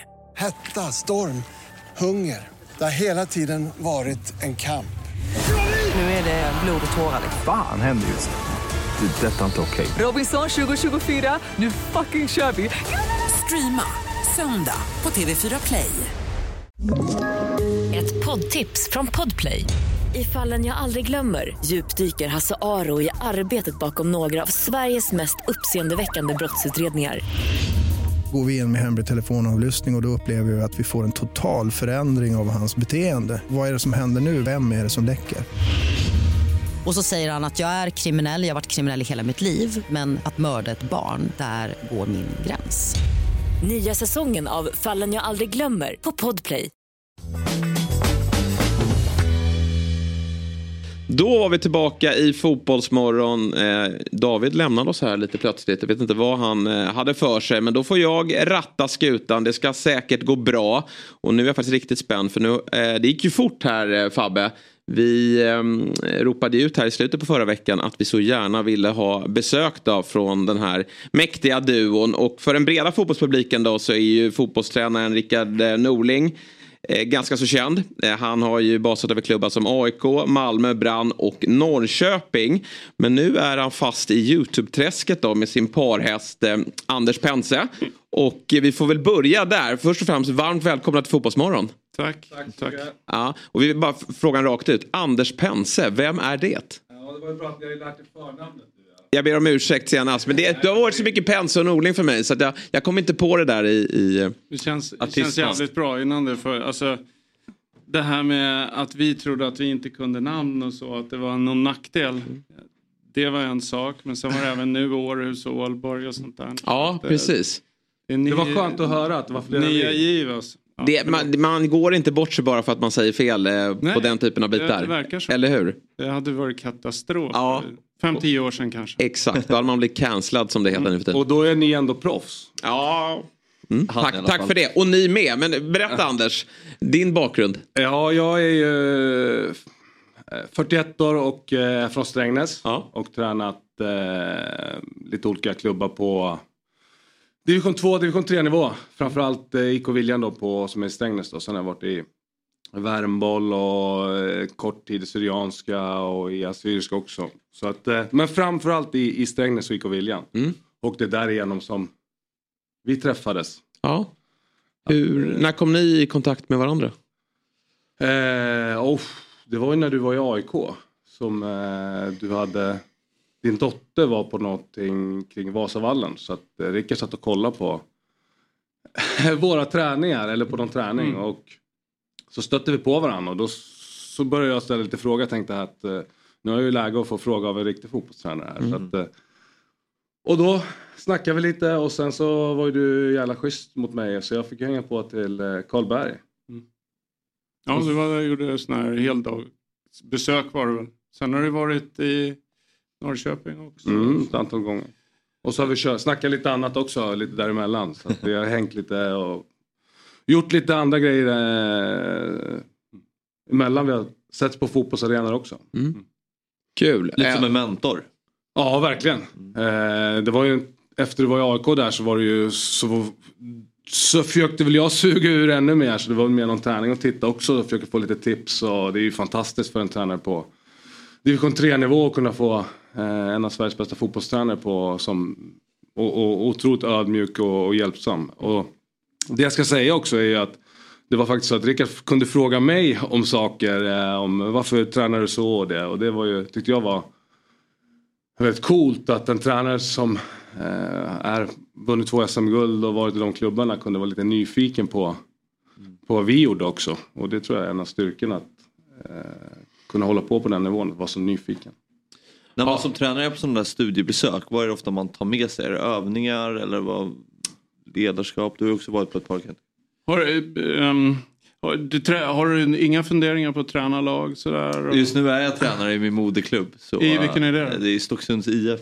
Okej, Division på vilken nivå? Alltså, Division 6. A-laget? A-laget och sen har jag ungdomslag också. Så nu har jag Precis dragit igång tränarkarriären här. Ah, Avslutat sin division 1-karriär. Fan vad roligt. Mm. Ehm, ja, egentligen skulle ju fr- frågan vad skulle du vilja veta? Då, då kan man ju vända Mm. på det egentligen. Ehm, och det är det som är intressant. När du kommer eh, om du skulle komma till mig så är det ju fullständig access. Liksom, att du kommer dit. Eh, ja, när, vi, när vi träffas oftast vid sju, halv åtta brukar det vara så. I alla fall jobbar jag så. Eller jobbade så. Att man liksom eh, träffar först eh, högra hand assisterande tränare och så byggs det där på allt eftersom eh, ju längre morgonen går. Liksom. Och att, eh, andra assisterande, målvaktstränare, fystränare och sen till slut så kommer eh, eh, medicinsk team och så eh, koordinatorer och så. Sen klockan typ nio och det är frukost. Och det är en jäkla fin process.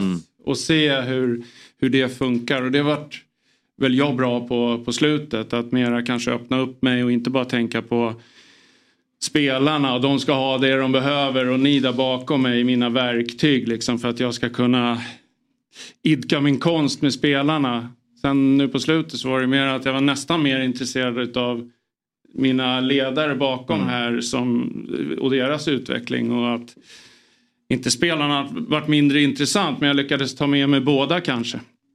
Och det tror jag är jäkligt intressant för, för dig som också har spelat att, eh, att se vad den stora skillnaden är och att eh, upp på toppnivån idag kräver ganska mycket. Inte bara att man är helt bra på att rita pilar och peka vänster och höger utan att det är, det, det är alltså vara arbetsledare i princip. Och när man är lite äldre och dessutom många som är, alltså Kim Hellberg, kan ju tänka er jobba med Kim Hellberg, eh, Anes Mravats, eh, Vedran Vucecevic, eh, det är alltså top notch killar liksom. Och eh, får, får inte de utrymme att, eh, att liksom pröva sina vingar, att också få visa hur skickliga de är, att få testa, testa eh, lite av sina idéer för att om, jag nu, om du skulle få sparken, inte så att bra team funkar ju så att de inte hoppas på det, alltså om jag skulle få sparken, utan eh, om jag skulle få jobb i Värnamo till exempel nästa år så har jag prövat mycket utav det jag vill, eh, vill, eh, vill på något sätt pröva och på så sätt eh, ha lite kött på benen när man kommer. För att de är ju inte mer än styvt 30, mellan 30 och 40 och, och ganska oerfarna. Så att eh, sådana grejer är, är nog ganska intressant för dig att, att se. Eh, tror jag, hur, hur det funkar. Sen får man nog vara skicklig på att man har inte åtta tränare på, eller folk på planen på våran nivå. eh, Men att man kan hitta delar av det och lära sig av ju... Men det är lika, precis lika jävla viktigt för du har pratat om det där att vi tog upp en, eh, vi hade ett presentationsunderlag liksom för att kanske föreläsa, så utbilda. Och så, och så hade jag en bild på den stab som jag hade i Norrköping. Och det var liksom, ja vad fan norra läktaren liksom. Så många satt vi där och så var det en foto sån här eh, grodperspektiv upp på staben. Och det var hur många som helst. Alltså. Det, ja men det blir ju det, det var två eller tre och klass på hela jävla gänget. Två läkare, två fysioterapeuter, målvaktstränare Mats- Elvendal och så alla de här räknat upp. Eh, eh, Jättemånga. Och så tog vi en bild på dig och din stab och jämförde och det var en assisterande tränare i princip. Du hade fler naturligtvis. Men, eh, Men ändå i i- en, mindre skala såklart. men ändå så kom vi fram till att, att och det kan du ta, just det här är lika viktigt att du ser den personen precis som jag ser kanske 20 personer under mig. Precis. Eh, så att det är samma för dig, du har ju också assisterande. Eh, Nej, faktiskt inte. Just nu är det bara ensam. Men Det är har, så. en, har en bra sportchef som är spelare också. Som Ja, det kommer. så mycket. Så spelarna assisterande. Men... Kan du sakna den tiden Rickard när det var, alltså nu fick du, hade du en väldigt stor stab att jobba med i Norrköping men där du lite mer körde, eh, alltså det var inte så att du körde själv i början Mm. av din karriär men där du hade en mindre stab bakom sig. Var det lättare på, på sätt och vis att jobba så? Det är annorlunda naturligtvis. Man hämtar kraft från där man är. Precis som Fabian nu hämtar kraft från den här otroliga ungdomliga entusiasmen och energin. Och man, man liksom eh, är oövervinnlig. Och det, man har ju faktiskt svaret på allt. Eh, så, till att man eh, skjuter fram andra och skygglapparna går ut och så. så att, och var, var tid har sin tid om man säger så. Och... Eh, Både ja och nej, men det jag får uppleva nu tillsammans med Anders är ju på något sätt samma känsla, känslosvall och samma nyfikenhet där, som man kanske hade i, eh, när man var eh, rookie i tränarsammanhang och runt 30. Nu är jag total rookie i det vi håller på med. ehm, och samma känsla går igång och på något sätt samma kraft också. Som, ehm, som är ganska spännande. Mm. Ja, ni ska få alldeles strax berätta mer om, om ert fantastiska fotbollsmagasin. Men jag är lite nyfiken på Rickard vad du utöver det har sysslat med det senaste. Det är väl i sommar, då, lite drygt ett år sedan som du fick Mm. eh, lämna IFK Norrköping. Var, var befinner du dig i, i livet? Eh, alltså, jag befinner mig någonstans i en stor nyfiken, nyfikenhet. Skulle det, ljuset slockna så då är det nog inte långt kvar tills det är dags att ta steget ner tänkte jag säga i underjorden. eh, så att det, den, eh, det, det på något sätt eh, har varit en stor del och det har vi triggat igång. Så det var ju i princip när när jag fick sparken ifrån Norrköping så hade vi uppbyggt, eller byggt upp en, en relation och så sa vi kanske ska göra någonting Mm. och sen då ja, jag ringde på vägen hem till Anders och, och sen så kör vi igång med eh, en kamera dagen efter Mm. Ehm, och så har det ena lett till det andra men det var egentligen en ehm, Eh, alltså ett parallellspår spår var ju att jag ville utvecklas. Jag ville bli bättre i, i mitt sätt, alltså runt omkring fotbollen. Och initialt så har det ju bara rört sig om att förstå mer, förstå, alltså grotta in sig ännu mer. Och då, jag lyssnade på er innan här, vi st- stod i katakomberna och lyssnade på när ni pratade med Alexander Axén. Och det är ju så att ni är så tokimponerande liksom på och hur, hur intressant det är att lyssna på er. Och vi har ju inte en chans där liksom. Inte en chans. Nej, verkligen. Ja, jag tror ni att underskattar matcher- er själva. Nej, men det är verkligen så. Och det, men eh, däremot vad som sker, de här jävla små detaljerna. Mm.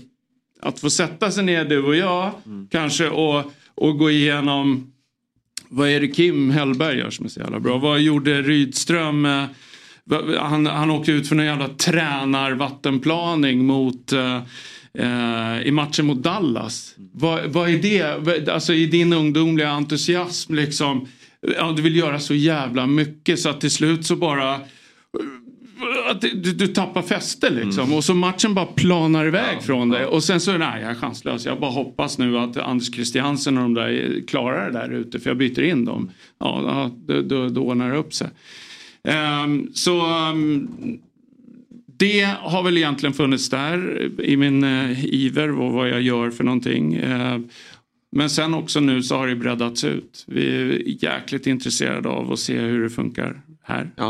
Eh, vad ni har eh, där ute, två, tre stycken eh, redaktörer som sitter där. En, eh, en kamerakille som sitter och byter kameror. Så här. Ni två, David, ni ska ha Eurotalk klockan 11 och så här. Fan. Ja, det är verksamhet. Wow, det är verksamhet alltså. Man har blivit väldigt ödmjuk till de här, eh, till er som poddar och, och, eller vad man nu kallar det för nu för tiden. Men hur, hur mycket förberedelse, vilken kunskap ni besitter med alla namn och eh, det, det är ju sjukt imponerande faktiskt. Och, och lite lärorikt för att titta lite. Ja, men jättekul att ha er då på ett så kallat studiebesök. Ja, det är verkligen så. Ja, Samma vi- sak. Jag får köra en till där innan du, för du Ja, har en jävla klart. lista. Ja, jag är förberedd. Ja. Ehm, Nej, men jag Nej, men det var vi- intressant det du sa där med att ni går in. För jag eh, kollar på avsnittet när ni pratar om Nordsjön och Malmö. Mm. Och då känner man, det här, den matchen måste man ju titta på. För Mm. det är så mycket, du går in på djupet verkligen på Mm. enskilda matcher som är väldigt intressant. Som gör att man vill se mer och kanske också bilda sin egen uppfattning. Mm. Men på förhand lyssna på vad ni tycker Mm. och hur ni analyserar matchen för att sedan se hur det bekräftas eller hur man själv ser på matchen har för bilder. Det blir, det blir ju ganska smalt liksom. För Ja, vi vet det- jag ser i dina ögon att det glittrar liksom. Och det, det är ju som... eh, alltså, dina ögon glittrar. Men vi vet också att det är vissa som säger att alltså jag har ingen aning, jag fattar inte vad du snackar om. Jag, jag är inte intresserad av vad du snackar om. För att eh, jag vill bara se dem skjuta bollen i mål och så eh, höra lite tugget liksom. Och ja, där är ett tvek om vi kanske når... Fast känns det inte som att fotbollspubliken, alltså det finns ju väldigt många poddar där ute och många liknar ju varandra. Vi försöker med ett nytänk här och många Mm. tänker, har nytänk på andra sätt. Men känns det inte som att fotbollspubliken är redo för ett sånt typ av nördprogram som ni ändå kommer med? Att det är många som, jag menar för tio år sedan, då var inte liksom det taktiska kunnandet där ute lika stort. Man, man kände att det var ja, men, viktigt att vinna matchen och Mm. ja, idag hade vi bra tempo i spelet men, men inte så mycket mer kunskap än så. Men att folk vill utveckla sig och lära sig mer. Och då kommer ni med det här programmet och det är klart att skulle jag stå där och rita då blir det ju inte samma tyngd som när en eh, Rickard Norling som är en av Sveriges absolut största och skickligaste tränare och samtidigt som Anders, du har kommit in som en dålis. Vem är det här? Man blir nyfiken på dig och du visar också upp din breda och, och eh, djupa kunskap kring det här. Framförallt så tror jag att det blir... Eh, eh, jag tror också att folk är mer mogna för att titta på... Om jag tittar på de divisioner jag tillhör så är fotbollen mycket mer eh, taktisk och kunnig med den, de förutsättningar som finns idag. Att man, vi jobbar med videoanalys varje match, var, även på träning ibland. Det finns ju enklare verktyg, vi har inte samma kameravinklar som ni har men, men, men, men vi kan också göra det och det syns på fotbollen att den är mer. Det är mycket duktiga fotbollstränare på division 2, division 3, division 4 nivå eh, som är mycket bättre eh, utbildade och har bättre förutsättningar. Och det blir väl min del i det här också att det, det är väldigt få fotbollstränare som har fått är i allsvenskan och vinner SM-guld men det är rätt många som är på våran nivå som, som eh, också, sen kanske inte vi kan göra allt men som kan hitta lite, jag lär mig varje gång på de här detaljerna. Jag använde det förra året också vissa saker som vi lärde oss när vi pratade med Billborn eller när du pratade om någonting. Så att Så, så att eh, man kanske inte kan göra allt för vi tränar ju trots allt inte både förmiddag och eftermiddag. Men man Nej. kan, så att det blir lite folkligt om jag får uttrycka mig så. Också nördigt Absolut. Och, och lite... Men det jag känner, det som är lite intressant här, det är att ni ni har snackat ihop er då, även när du var kvar i, i, i Norrköping då, att ni två tillsammans kanske ska skapa något. Och då tänker man väl, ja men då borde väl vara ni två som tar över en klubb. Men då är det alltså att ni har pratat om den här YouTube-serien. Eh, för det jag märker det på dig Rickard, att du brinner ju verkligen för att göra det här. Det här är inte någonting som du bara, ja men jag gör det här tills jag hittar ett nytt jobb, i min känsla. Utan det här är någonting du vill bygga vidare på. Ja men så är det det. är- Det det är verkligen så. Att det vore fantastiskt roligt. eh, Dels för vår egen skull men också liksom se om man kan ta det ett steg till där ute. Jag kommer ihåg Alexander Axén sa till mig, för jag, ibland så var jag så förbannad i min roll som, som eh, elittränare. Så var jag förbannad på på experterna som jag tyckte var så otroligt generaliserande och ibland inte hade en aning. Liksom. Dålig kunskap helt enkelt. Eh, och då sa han till mig att eh, nej men du vet, det är alltså uttryckt ifrån, eh, ifrån producenter och de vill ha det så att eh, gå inte för, för djupt, var inte för komplicerad för att det går inte hem i, där hemma. Och det kanske är så eh, i vissa fall. Eh, men jag är inte säker på att det är i alla fall. Att, utan det kanske beror på helt enkelt att man inte, man inte kan eh, det där, det där lilla, den där lilla extra liksom. Och ehm, ja, det, det är det jag tycker är jäkligt roligt att om man kan få fram de här detaljerna. Och precis som ni, ni har ett långt fotbollsmagasin. Liksom, att prata till dess att, att vi är klara med en situation. Liksom. Förberett den väl, kan se paralleller med andra, se trender liksom, i just det där momentet. Liksom. Som Nordsjälland nu till exempel. Att de, det var inte bara deras offensiv som var fantastiskt intressant utan även hur de pressade framifrån. Och så börjar man se nu och följa varenda match och grotta ner med något sjukt i de där jävla försäsongsmatcherna. Men då kommer ju danska lag liksom som Viborg, ja men de pressar ju precis likadant. Och så ställs IFK Göteborg mot det, Norrköping. Ovana svenska lag att hantera just det försvarssättet.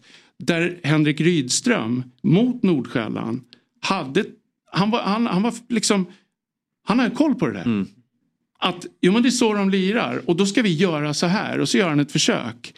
Eh, men första försöket mot ett jävligt bra ihopspelat lag är, är inte lätt alltså. Även om du tränar Malmö FF. Men däremot andra och tredje försöket. Ja då är, det, då är det möjligt att ta det försvarsspelet på ett annat sätt. Men eh, Göteborg var helt chanslösa. Just emot det sättet. Viborg alltså försvarsspelet.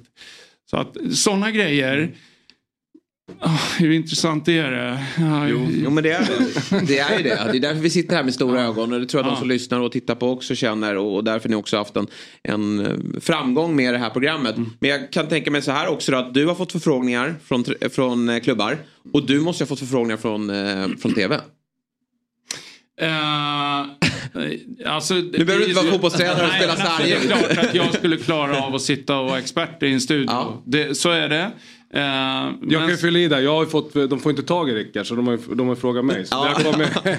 så är det. Du får se alla hans erbjudanden. Ja. Ja, men så, är, det, det, det, så, är det, så är det. Mm. Men samtidigt så vet jag då att ja, men då har jag 30 sekunder mellan uh, Betsson och Precis. Unibet. Mm. Liksom. Eller andra spel. Och då blir man ju bara stressad. alltså. Hur fan ska man kunna få fram någonting då? Nej.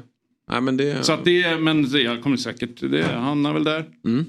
För det- tidigare då, eh, det får du avgöra om, har du varit en motståndare till media? För bara det här med poddsammanhang, där har du varit väldigt tydlig. Jag vill inte vara med i poddar. Nej. Varför? Ehm, eh, för att jag tror att eh, initialt så börjar det med arbetsbelastning helt enkelt. Att eh, det kräver, och det är inte bara en podd där ute. Eh, utan det är ganska många. Eh, och är man med en, då tycker jag, då är man med i, eh, i resten. Eh, och det är kanske konsekvensen utav, utav det här beslutet då. Men, Nu ringer de. Ja, nu kommer de ringa. nu kommer de, nu kommer Birro. Och gärna vara exklusiv för Alltså Fotbollsmorgon Birro, bara. Birro han kommer vara så grinig på mig. Jag tror han har frågat mig 50-12 gånger. Alltså. Han brukar nämna det också kommer, varje gång han har lovar, frågat dig. Jag kommer, jag Ja, det är bra. Det är inte bara Melodifestivalen han är här på nu. Nej, exakt. Eh, Okej, eh, innan vi bara släpper det då. Eh, blir det inget mer tränaruppdrag eller, Rickard?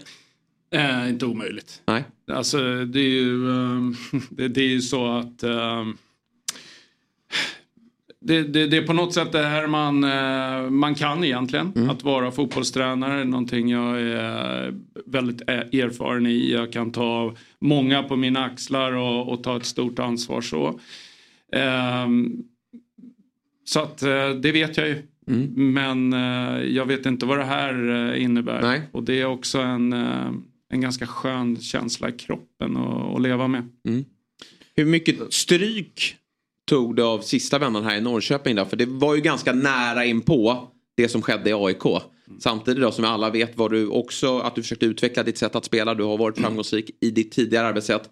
Jobbade med ett nytt sätt men fick lämna två uppdrag. Hur, hur mycket slår en sån motstånd? Alltså det är mycket, mycket tid har du? Eh, det- Kör. Ja, kör. Ehm, nej, det, det är ju klart att jag är medveten när jag går till Norrköping att nu får det inte bli fel igen. Nej. Ehm, och där är ju det, där är ju en- podd i sig säkert eh, att kanske utveckla på ett respektfullt sätt eh, vad det var som blev, eh, blev fel. Där jag kanske i tidigare sammanhang AIK 2008 när David Fjell var med och Mm. kan hela jävla... Ja, du, ja, var med. Du var väldigt ung men du Mm. var med. Eh, Blev väldigt fint omhändertagen av Rickard Norling. ja, men det är bra. Det är Mm. bra. Det, det, då är nöjd. Mm, det, det var stort. Nej men hur som haver så då var det ju mitt fel Mm. till slut. Att vi kom femma men jag fick inte sparken för att vi kom femma utan för att jag började fokusera mig på politiskt spel. Liksom, där David var min allierade liksom och blev en eh, Norling-kramare om allt vad det innebär. Eh, men jag förstår det till slutändan att jag fick inte sparken för att jag kom femma utan att jag höll på att fokusera mig på, på helt jävla fel saker. Eh, Malmö FF, också ganska mycket stort, mitt, mitt bara sådär eh, AIK 98 procent mitt fel, Malmö 90 procent och sen så i Norrköping så skulle jag säga att det är, då är jag en av fem, anled- alltså fem personers anledningar till att, att det blev som det blev. Men det är jävligt svårt att, att liksom prata om det på ett trovärdigt sätt utan att beskriva vad det var som hände. Ehm, eh, ja, det, det, må- det måste till lite tid liksom. Men, eh, och då blir det ju så att då kommer historien i kappen lite grann. För den gemensamma nämnaren trots allt är ju jag. Eh, och det kommer jag inte undan ifrån. Så att det är klart att man, jag tror att man tar mer stryk själva eh, hur folk ser på mig och hur, vad de tror att jag står för och så vidare. Mer än vad jag själv tog stryk. För det var ju i, i princip att morgonen efter så körde vi igång med det här. Så att, mm, men också kanske det är lite en del av det att jag, jag känner att eh, det där var inte bra. Den där brände kanske mer än vad, vad som, eh, som var bra och att det här är på något sätt en, eh, en parallellmöjlighet som, eh, som man, man är en överlevare liksom. Eh, så att, eh, ja. Men det, det finns mycket att säga. Ja, men, men, vi ska blicka framåt. Jag måste bara fråga. Eh, AIK 2019. För det var ju en speciell situation. Eh, du vinner guldet med AIK 2018. 2019 gör ni poängmässigt en fantastisk säsong. Men vi vet hur det funkar i den här stan. Att är man efter Djurgården som vinner guld och Hammarby. Även Malmö FF. Eh, det börjar storma eh, Mm. kring, kring dig och AIK. Och då är man ju nyfiken på det här med att ja, men då börjar ju liksom det komma utifrån att, ja, men dels från supportrar men också från ledning att AIK måste spela roligare. Och det är då Mm. din, ditt experiment eh, påbörjas. Hur mycket var det från dig att påbörja det här experimentet kontra att det var ett krav från AIK? Jag skulle nog säga att jag skulle aldrig göra någonting om inte det kom inifrån. För att jag, jag lever med det och det tror jag är jävligt viktigt för dig som Mm. ska gå ut i en stor tränarkarriär. Att fatta dina beslut som du kan se dig själv i spegeln. Gör du, börjar du fatta andras beslut, börjar du bli populistisk. Så kört liksom. Eh, men eh, signalen kom ifrån Björn att eh, man fattar eh, där han säger att eh, du, eh, hur ska vi ta AIK vidare? vad har du för tankar och idéer? Och då känner jag så här att om jag läser genom raderna korrekt så, så är det nog så att han har uppdrag att kolla om han tror på projektet framöver. Eh, parallellt med det för att det liksom börjar gå i stå. Eh, Och den här shapen som lite grann är tillbaka i Ja, AIK nu. det är det. Ja, hade jag stått där så ha hade jag stått så här. Ja. Get up! Men skitsamma. Det är 5-3-2, inte 3-5-2. Nej, Exakt, och sen vrider vi och så flyttar vi upp och säger ja, okej, bra. Bra Norling, du är i alla fall helt jävla körd. Men Brännström, det är okej. Men han är jävligt duktig, det ska jag säga. Men skitsamma. Ehm, då blir det ju liksom en kravställning i stort sett. Eh, att du bör hitta på någon alternativ lösning. Parallellt med det så var jag jävligt fed up på shapen. Och då eh, Gasperini har kollat så och eh, fortfarande det är en det är så mycket kärlek när man ser det. Så det Du vill lyckas med det? Ja, alltså på det sättet som Gasperini gör blir skitsvårt. Jag, jag försökte eh, och drog det lite längre än vad han gjorde i AIK. Jag, jag, jag, jag, fick- jag hade ju äran att få vara med i tränarrummet eh, innan seriepremiären eh, mot Örebro. Örebro. Och för att förtydliga hur, hur jävla extremt det var så satte ju du upp Patrik och det var ju mer folk där. Men, och, och satte spelare liksom på namn. Inte det att en nia tar eh, sexa eller eh, så som man gör idag. Alla lag, de flesta lag gör idag. Utan det var liksom du tar eh, den, du tar den, du tar den. Så det var verkligen Pendeln var hela vägen. Ja, det var ja, inte, ja. liksom inte testa lite grann utan vi, du testade ju all the way. Var det också ett sätt att slå mot AIK lite också? Att här får ni er jävla förändring. Eh, nej, det Nej. var inte det. Nej. Jag tror, jag tror att många kan eh, ta det och vara lite bittra på att man liksom... eh, eller lite besvi, inte bittra, bis, besvikna på mig. Att för, jag tror att många upplever som att du gör det som är bäst för AIK. Och sen helt plötsligt så börjar du göra saker av någon annan anledning. Men faktum var att jag vi var inte riktigt, riktigt, riktigt lika starka i truppen. Man känner det också att sista året när man går in i det och det, som tränare att eh, man känner att klubben vill nog inte lägga ner de där extra resurserna för att sannolikt så kan det komma en ny tränare till nästa år så att vi håller lite grann på pengapåsen. Och när man får den känslan så inser man att jag måste göra med det jag har. Och det var alltså ett försök att verkligen göra någonting som tog mina kollegor och motståndarna by surprise. Eh, och att vi skulle kunna ta det på det sättet, få spelarna att växa i någonting som, som, eh, som motståndarna inte skulle hinna och parera. Eh, förrän det var för sent. Liksom. Eh, så att eh, det var syftet. Den kombination att göra resultat och också faktiskt bli långsiktig. Jag, det var ju egentligen en del i det också, att få fortsätta att jobba. Jag tänker på bara, jag, när vi snackar det här man-man och det här så bara kommer jag att tänka på en match det hade med Norrköping, jag tror det är Kalmar borta 2021. Ehm, där jag tycker att ni, nu blir det väldigt men det Som var, ni vann. Ja men precis när ni, ni, när ni hade hängt på toppen, tror jag, ni slog Hammarby hemma tror jag. Så mötte ni... Jävla- Nej men jag, jag kommer ihåg där, för det var ju precis när... Han måste kolla innan. Eh, men då kommer jag ihåg att ni mötte Kalmar och det blev när ni kör det här man-man-spelet att det blev mycket bara att ni sprang runt, runt, runt. Ni kom liksom inte in i pressen, ni vann sällan bollen. Är det det svåraste med mamman? Att kunna Alltså Henrik var ju den som knäckte koden. Det var så. Eh, och det var... Det, det började redan hemma. Eh, och det är det som nu man ser med de här ytterbackarna som kommer in. Sebastian Ring, vänsterbacken. Eh, otroligt skicklig på liksom att förstöra. Och det var första, första liksom problematiken. För vi hade börjat med, från att gå med det här eh, man, man, prick så, följ och pärtan ner till motståndarnas straffområde, följ nian om man droppar. Till att det blev avståndsmarkering. Mer och mer sofistikerat, mer och mer genomtänkt. Vissa delar i spelet, zon, övergångar och så. Men det var ju Henrik då som eh, började slå hål lite grann i min brist på kunskap i filosofin. Eh, som gjorde att jag utvecklades i det. Eh, Så att på ett sätt bra, men sen så kom man ju också fram till att för eh, de borta där vi spelade i, i ren shape i, igen. eh, Det var ju ren och skär jävla överlevnadsinstinkt. Där jag tyvärr kände att han kommer att ta mig.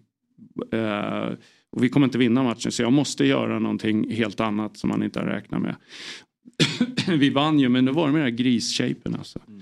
Och det är så vansinnigt trist att det inte kunna greppa tag i motståndarna från deras förlängda mållinje och hela vägen tillbaka till en egen. Och det, det, gäller, det sitter i mig fortfarande.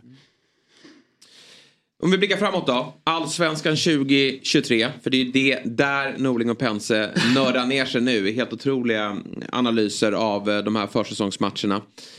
Vad eh, tycker ni att ni ser eh, från de allsvenska lagen? Vilka lag sticker ut ur en positiv bemärkelse? De ska vi hålla lite extra koll på. Med, och vilka i negativ bemärkelse då, tror ni kommer få det jobbigt? Oj, ni tittar på Stor mig fråga. här. Vi var ju där. Ja, eh, nej, men för det första så är det så att eh, det är vårt koncept är att jag, jag har ju ett jobb och sådana saker. Eh, så jag nördar inte ner mig lika mycket. Jag försöker titta eh, på Vissa, som... vissa matcher som vi kom överens om och Mm. sen så försöker jag vara lite frågvis och nyfiken på de matcherna som, som Rickard nördar, nördar ner, ner sig i. Men eh, det finns ju några lag som alla tycker är intressanta. Det blir ju Rydström hur han hanterar Malmö med, den, med de typerna av spelarna. Där han inte har samma spelartyper som han hade i Kalmar. Kan han implementera fria fåglar som vi har varit inne på? Med, med, med Vad är de- fria fåglar? Eh, ja, berätta du. Det är Nej, du som har alltså, myntat det som det. är du som har intressant, det som är myntat intressant med, med, om man börjar med Malmö nu, det är att de eh, spelar mot Dallas och då kände jag så att, åh Hen- Henrik, du är på väg eh, någonstans nu som inte är bra, tror jag. Att det var lite sådär eh, för mycket, han, han började att dra ner Lewicki i en fembackslinje i den höga pressen. Eh, och sen så skulle han normalt sett vara då en balansspelare. Och så vart han skadad och så kom Lomotey in och fick göra det istället. Och klarade inte det och så bytte han och det vart liksom wow, vad är du på väg nu kompis? Till att han nu eh, i sista matchen mot Vålerenga satte det så det jävlar alltså. Helvete vad bra det var. Eh, Fria fåglar innebär, det här press, jag kommer gå igenom det i Mm, nästa kör. program faktiskt. Eh, att eh. Viborg, till exempel ehm, och flera lag är jäkligt bra på att- pressa eh, på, på ett, eh, ett framgångsrikt sätt. Där, där Henrik slår hål på just den logiken för spelarna. Till exempel eh, eh, Taha Ali som spelar på en höger ytter forwardsposition men kommer ibland över i uppspelen för Malmö eh, på vänstersida där Nanasi drar med sig sin ytterback och deras första pressande ytterforward kommer och ska pressa på ytter, eh, eh, ytterback. Då kommer Taha Ali eller Anders Christiansen över i en, en yta där de inte har, det, det går inte att räkna rätt. Liksom. Okej, ja. Det går inte för att göra det jävligt abstrakt, konkret. Ja, men jag tror jag är med. Ja, men det är han en mästare på. Och också spelarna där han inte säger att du ska göra det. Utan han berättar för att de kommer pressa så. Om du låser den så blir det en yta. Om det är du Anders Christiansen som går in i den ytan, vilket hände vid flertal tillfällen. Eller till och med om det är läst in, ja men kom då eh, Taha Ali hela vägen över. Eh, och så låser vi centralt med två balansspelare så att de inte kan gå ut och följa med en central mittfältare. Så. Det är otroligt imponerande hur han får spelarna att tänka själva där ute på plan. Det är liksom inte att du ska göra si eller så, eller du ska följa press eller du ska följa nummer fyra till och med. Utan han kommer följa press. Som han sa när jag var på ett, eh, ett eh, vad heter det, sån här studiebesök som jag var direkt efter Norrköping. Så sa han det till de, eh, Otieno vill komma upp i press när de skulle möta AIK. Han vill komma upp i press. Bakom honom paradoxalt nog så finns det en stor yta. Ner med bollen, eller inte ner med bollen, där finns en stor yta. Och oavsett om bollen kommer ner dit eller inte, kommer den ner då vet vi att vi troligtvis är lite snabbare än oavsett, förutom Otieno som är borta. Så kommer vi vara snabbare ner på bollen. Och den som är med och så tar vi det därifrån och då öppnas nya möjligheter. Och då berättar han de verktygen ifrån det utan att säga att då ska du löpa in dit och du ska löpa in dit. Utan då ser scenariot ut så här. Och det gör att spelarna, tror jag, tänker själv. Trots att de blir matade med verktyg som är det för tydligt och för styrt kan begränsa. Och jag tror att det här passar som handen i handsken. Jag lovar det, Anders Christiansen, han tycker om att spela fotboll Ja, nu. det Och. Taha Ali har ju till och med uttryckt att jag får mer vara mig själv. Ja, det är, han flaxar liksom. Men om han inte flaxar på rätt sätt så kommer Rydström att på ett jävligt pedagogiskt sätt berätta för honom hur han kan flaxa. Ja, häftigt. För att vi utifrån då som inte har ditt öga, vi konstaterar ju bara resultaten som Rydström har gjort i Kalmar. Och när vi lägger ihop Malmö och Henrik Rydström så bör det bli succé. Jävla Hur, bra. hur, bra, hur bra kommer det bli? Ja, Jävla bra timing också tror jag med, med tanke på Malmös resultat förra året. Ja. Eh, eh, Du vet ju hur det är att, att ta Malmö med kravbild eh, och har- vi har ju pratat om det några gånger. Det är inte lätt. Men, men ska man ta Malmö någon gång så känns det väl som att de bytte tränare förra året eh, tre gånger eller två gånger.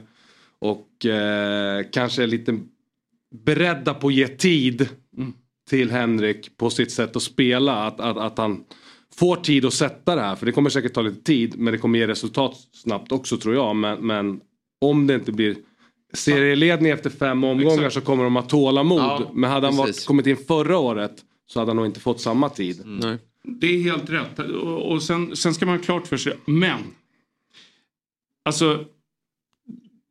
Är det så att du kommer in och inte har kött på benen att, att eh, alla märker, för att du har ju, alltså Malmö FF fungerar så nästan som eh, Pirates of the Caribbean där här Stellan Skarsgård kommer ur ifrån från väggen. Såna, det, det bara kryllar utav såna 70, gamla 79-spelare som liksom är där och man liksom... Om du inte har rätt grejer, att du vet vad du sysslar med och att du är rätt på det. Så är de ganska nära dig. Eh, och, så att en viss tid har du. Men ändå, märker de att det inte är det, då, då, då får du press på det. Alltså. Som säkert eh, Milos fick. Eh, när han var där. Att bra så, men sen så lite grann exposed. Men, men Milos kanske hade fått tre, fyra matcher till i år. Nu satt jag för långt, Sant, satt jag för långt från mixen. Sant. Eh, om han hade kommit in i år så... För det var smart. Men Milos hade nog fått några matcher till om han hade kommit in efter det året som har varit. Sen om det hade räckt, det vet man ju inte. Men, men... Ett annat lag som nämns bland favoriterna där det kanske nästan ser lite för bra ut det är Djurgården som kommer från en succésäsong med, med Conference League och, och nästan SM-guld med andra platsen.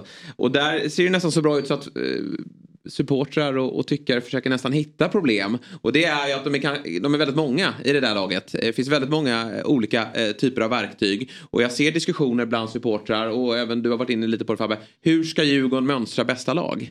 Och där vet jag att ni i Norling och Pense har ansett att Jakob Bergström bör spela. Exakt, i stort sett. Ja, sa vi det till och med? Ja, du, du var inne på Vi det. det i bilen. men, Ja, ja, Jag tycker ju så här, Djurgården kommer ju till så mycket inlägg. Hey, bravo. ja, men, ja men då vill man ju ha någon. Så här, Norling och Ahlstrand, se upp! I Djurgården. Nej men det var ju Findell som stod in de flesta i fjol. Han kom där på andra ytan och Ja. nickade in dem. Men det känns som att de behöver en... en... men de letar ju med Oliver Berg. Det är, Ja. det, det är den stora grejen. Är Alltså, han en nia? eh, Ja det är han. I, Kalmar är han en nia men inte i Djurgården. Nej, nej. För det, de matar ju inlägg eh, och, som du säger och kommer runt. Och De är det så breda mittrarna. känns som, eh, där har de Oj, oj, törs man säga allting här? Men, men det känns som att eh, det, det är inte säkert att han är rätt eh, person där liksom. Alltså, de behöver andra typer av spelare. De är ju lite, där är man ju inte fria fåglar. Nej. Utan där är mer styrt. Oliver Berg som bäst när han får flyta omkring och droppa ner som sexa som nia ibland och, och, och vara en del av spel, större del av speluppbyggnaden. Djurgården tar ju snabbaste vägen fram. Liksom. Och det är... eh, Och jag tycker en sak till som Djurgården är sämre på i år. Det är det här sättet att ha en mittback som Hjalmar tog fram bollen och bröt linjer genom att dri, driva bollen. Det gör inte de mittbackar som jag har sett två matcher i år. Nej. Så att de blir ännu mer beroende av att det snabba sättet att ta sig fram eh, funkar för att de har inte den, det verktyget som Hjalmar hade. Men jag tänker också med Manges fot. När han får bollen ut över straffområdet. Han prickskjuter ju en sån spelare som Bergström på pannan. Liksom. Ja. Nej, Alltså det är ruggigt, ruggigt intressant. Eh, Såg du matchen mot Sirius? Ja. Noga eller var det så? Jo, jag såg matchen Sirius. Såg den i efterhand. Såg den igår i efterhand. efterhand. Ja. Det var första Nej, men det är jävligt tydligt där. Alltså för det första, Mange Eriksson säger efter, eh, efter slutsignalen att Oliver Berg är en otroligt, otroligt skicklig, alltså betoning, han eh, betonade två gånger att han är otroligt skicklig eh, fotbollsspelare. Och, jag tror att, eh, och även när jag läste en Aftonbladet-artikel att Hampus Findell sa det att han är, den imponerar mig, jag försöker lära mig utav Oliver Berg och så, jävligt ödmjukt. Så man märker att spelarna försöker att hjälpa Oliver Berg för att de börjar och kanske höra att det, och det snackas lite om och kanske Oliver börjar tappa lite av sin lyster sådär och det vill de ju inte. Nej. Fan helsike, kör på nu liksom. Men problemet han har är ju att som nia, det är ofta som Djurgården vänder spel. Och då kommer det ju ett första läge där de har en form av möjlighet att attackera målet. Och det är ju en ensam nia. Kanske, kanske möjligtvis någon till. Men inte Hampus Findell. För går den åt det hållet då hinner inte Hampus in. Men går den ditåt eh, till till exempel eh, eh, Wikheim. Som har möjlighet att ta ner den och nypa på ett på en jäkligt bra nia som rör sig. Då kommer Oliver och möter. Och vill etablera spelet. Och det, det är ganska tydligt och slående. Och sen då när, när kanske Oliver kommer på plats som nia. Ja men då är det ju åtta mot åtta där inne. Och då är inte Oliver heller den nian kanske som vinner som Jakob. Han kan ju faktiskt vinna en jävla nickduell mot en eh, på bortre stolpe och, och få ner den på något sätt. Till och med med en målvakt. Och sen då i andra halvlek så flyttar han ju ner när Hampus Findell blir utbytt.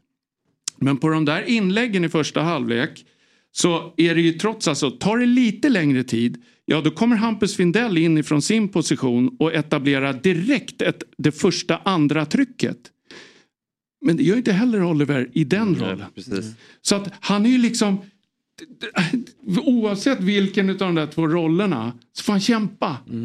Och liksom, ja vad ska tränarna och jag hoppas för svensk fotboll, jag hoppas för Djurgården att de liksom får honom och att det lossnar och hittar rätt. För det är så många som vill det. Inklusive inte bara Djurgården utan fan se lite intressant fotboll.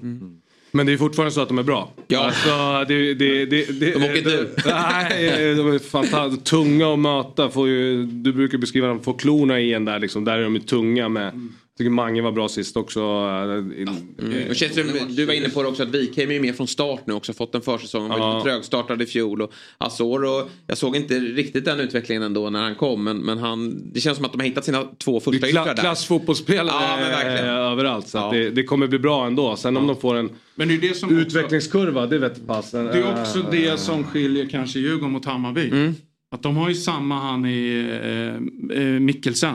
Just det. Eh, som är lite grann också som, eh, som Oliver Berg. Vad är hans bästa position? Men skillnaden mot Hammarby och Djurgården är att Djurgården har ett kollektiv som är fan mörsa starkt. Hammarby är inte det. De har blivit av med sina sex bästa. Och där är en stor skillnad. Att få dem bara Oliver att funka lite grann snabbt.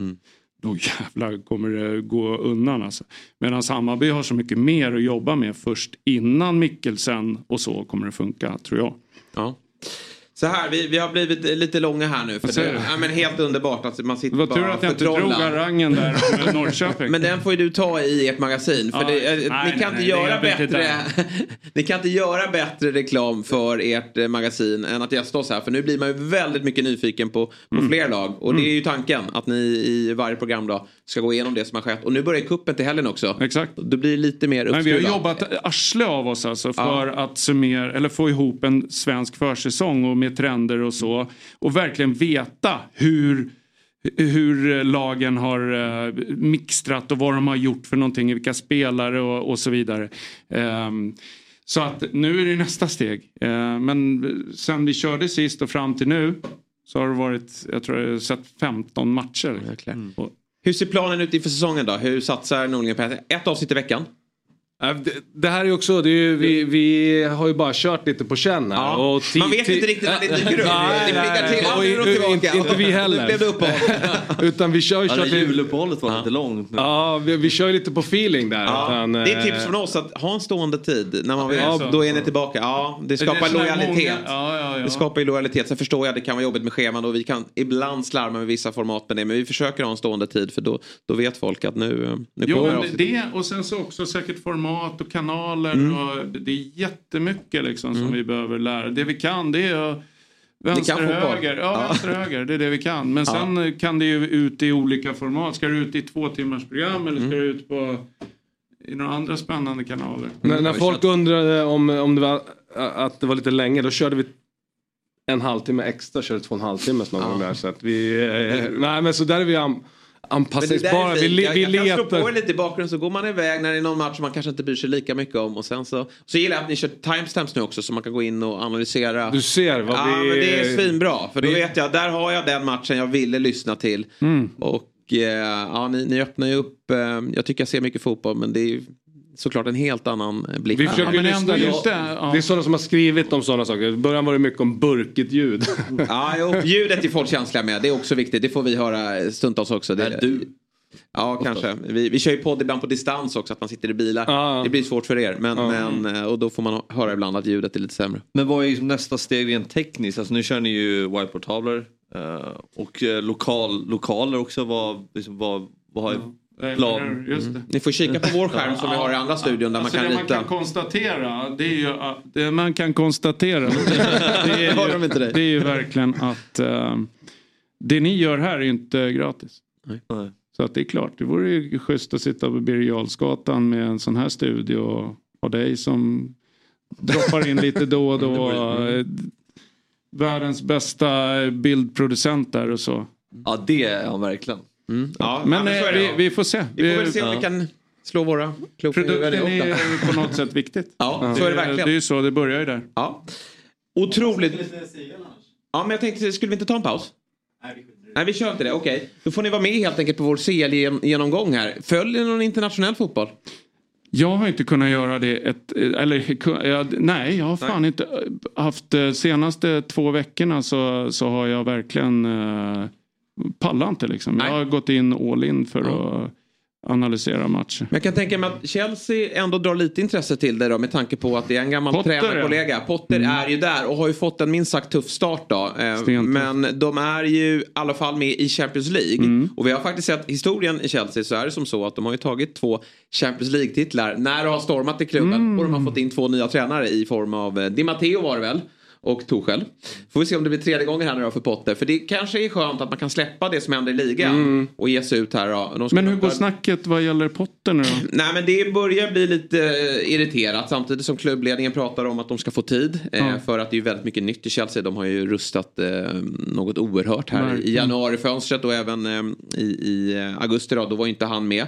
Men han har inte riktigt fått fart på det. Men de har också haft mycket skador.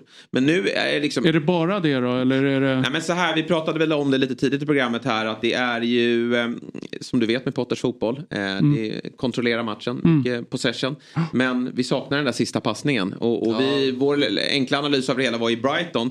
Då motståndarna till slut klev väl fram för de kände att det här är Brighton. Och då dök det upp lägen. Ah. Men det är, de, De är nöjda svårt, med ja, men liksom. lite så. Det, det är mer att de gör allt rätt. Mm. Men när de ska slå den sista passen så gör de inte det. Men- Då men kommer de tillbaka och måste göra samma sak igen. Mm. Men de har Allt bra de Taj- gör. Timingen vi pratade om med Kalmar, eller med Rydström till Malmö, så var väl, tycker jag att timingen är ganska, han hade nog inget val, vem, vem säger nej till Chelsea? Det tror jag inte du heller hade gjort. Men, eh, men, men eh, han tar ju över efter kanske den bästa fotbollstränaren i, topp 5-tränaren i världen. Det var ett konstigt skifte, inte var för ju det. hans del men, men eh, lite utifrån tycker jag det är det. Och det är inte bara att göra någonting bättre när man har haft en sjukt bra fotbollstränare. Det var Nej. inte så att Nej.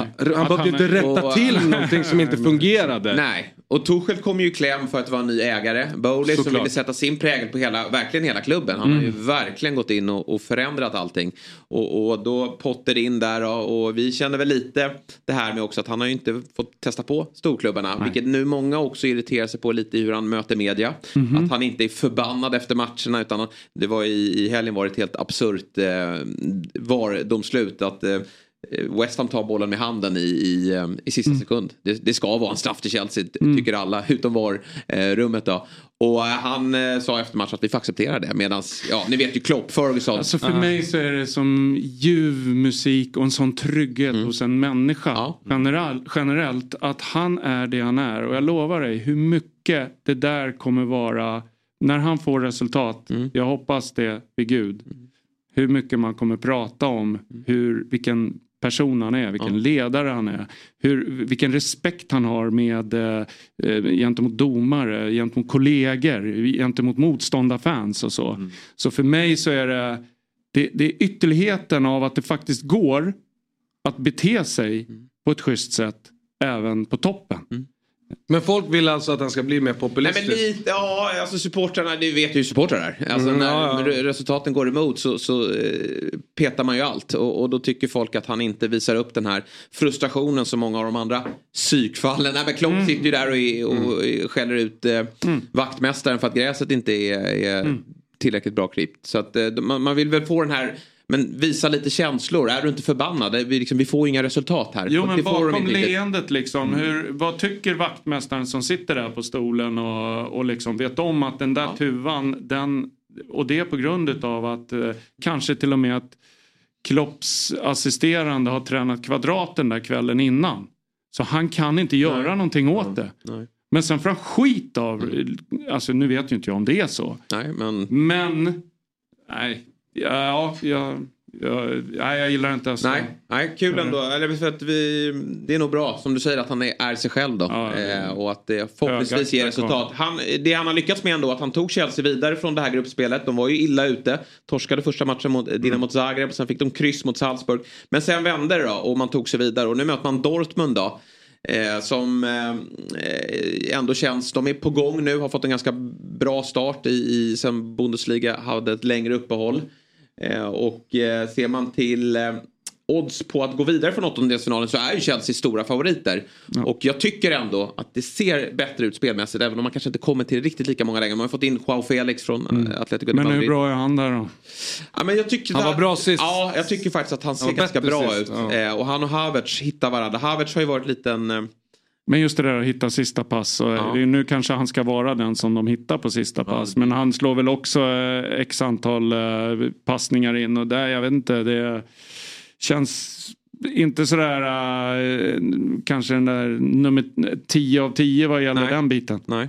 Där kravet också gör kanske att ehm, det, det knyter sig till och med för en sån kille. Och sen är hela lösningen lite märklig. Han är där på lån alltså. eh, Mm. Utan klausul. Så han ska vara där några månader och sen Ja, så... hon eh, räknar väl att han varit eh, utvisad och så räknar Ja, pengar. ja. precis. Så det har ju redan börjat sätta sig. Nu fick han göra mål då, assisterad av den här Enzo Fernandes då, dyraste Mm. Ja. värvningen. Så det var ju bra. Det är bra. Men fick ändå inte med sig resultatet här. Eh, ja, vi får se hur det går. Eh, 15 gånger pengarna genom att vinna hela Champions League då, om det ska vara en, en eh, på nytt då. Då får man väl, för att hitta ett argument för det, då är det väl just det att man har lyckats med den bedriften tidigare. Då, Situationen är liknande den som man haft tidigare. Ja, lite så.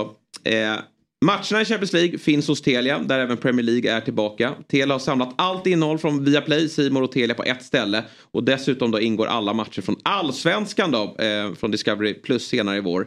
Och genom att samla då sporten hos Telia så får man bättre pris. Och eh, Chelsea går igång på onsdag. Smaskiga matcher här va? Eller? Kommer, kommer Norling slå på eh, PSG Bayern München eller? Uh, Pense kommer göra det i alla fall. Ja, Pense gör det. ja, det är möjligt. Det är möjligt. Går det att hitta, eller är det, blir det nästan som en annan sport? eh, Eller går det att hitta saker i den typen av fotbollsmatcher? Nej, men det är där då när man nästan, när man eh, eh, som jag då antingen har varit fotbollstränare och lägger ner all kraft på den och sen på det här. Nej, jag går inte på det. Det är som eh, min pappa var elektriker. Liksom, att, eh, han går inte hem och drar eh, lite ledningar i villan för att han tycker det är kul på en fredag. lite, lite, inte riktigt så, men eh, typ. Ja, jag förstår. Bra hörni, vi eh, skulle ha ringt upp Glenn Hysén idag. Men vi väljer att skjuta på det till imorgon. För att det här blev ett sånt otroligt intressant samtal. Och, och Glenn får komma tillbaka imorgon då och prata lite om Liverpool-derbyt som också är ikväll då. Liverpool-Everton. Eh, men vi gör som så helt enkelt att vi, vi tackar herrarna. Eh, och Tack för att vi fick komma. Ja, Tack så mycket. Otroligt kul. Verkligen. och Norling och Pense tar man del av för nörderi då, eh, på YouTube. Mm. Spotify också va? Eh, avsnittet med Bill Born och Magnus, Magnus Eriksson. Det är det värsta med att det, det är taktiktavlor och grejer. Det är Ja, jag sådär förstår det. Spotify. Mm. Men med gäster har vi gjort två program eh, som finns på Spotify. Ja, okej. Då är vi med. För det kan ju vara intressant ur ett annat. Ni pratar ju också lite historia och, och karriär och och- ledarskap och, ja. annat som kan vara Ja, intressant. Ja, Men missa inte det. Fabbe missar ju inte ett avsnitt. Han pratar om Norling, eh, Pense eh, konstant. Ni är ju även, precis som vi då, nominerade till, till Årets förnyare. Och, och då frågade jag Asa, du har väl röstat på Fotbollsmorgon? Nej, Norling och Pense. Eh, det... eh, Man måste ju stötta varandra. Så är det verkligen. Man får inte rösta på varandra. Det är fel att rösta på sig själv. Helt, jag helt. Helt rätt. Absolut, säger jag. Imorgon är vi såklart tillbaka. Då sitter David här igen. Jag är med. Eh, Fabbe får vila. Myggan är med oss. Och sen så kommer eh, eh, Atladottir. Margaret Atladottir. Som har koll på den isländska fotbollen. Hon ska gästa oss. Även Arsenal-supporter. Får höra lite hennes tankar kring stormatchen på onsdag. Då är det City, eh, Arsenal mot City på, på Emirates. Stort tack för idag. Tack. Bra jobbat grabbar. Ja, det är otroligt kul att ha er här. Eh, tack till alla er som har lyssnat och tittat. Vi ses imorgon igen. Fotbollsmorgon presenteras i samarbete med Oddset, betting online och i butik. Telia, samla sporten på ett ställe och få bättre pris.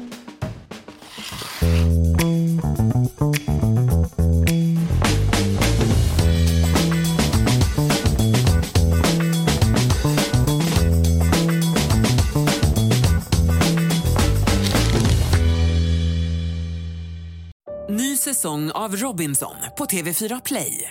Hetta, storm, hunger. Det har hela tiden varit en kamp. Nu är det blod och tårar. Fan händer just nu. Det. är Detta är inte okej. Robinson 2024, nu fucking kör vi! Streama söndag på TV4 Play.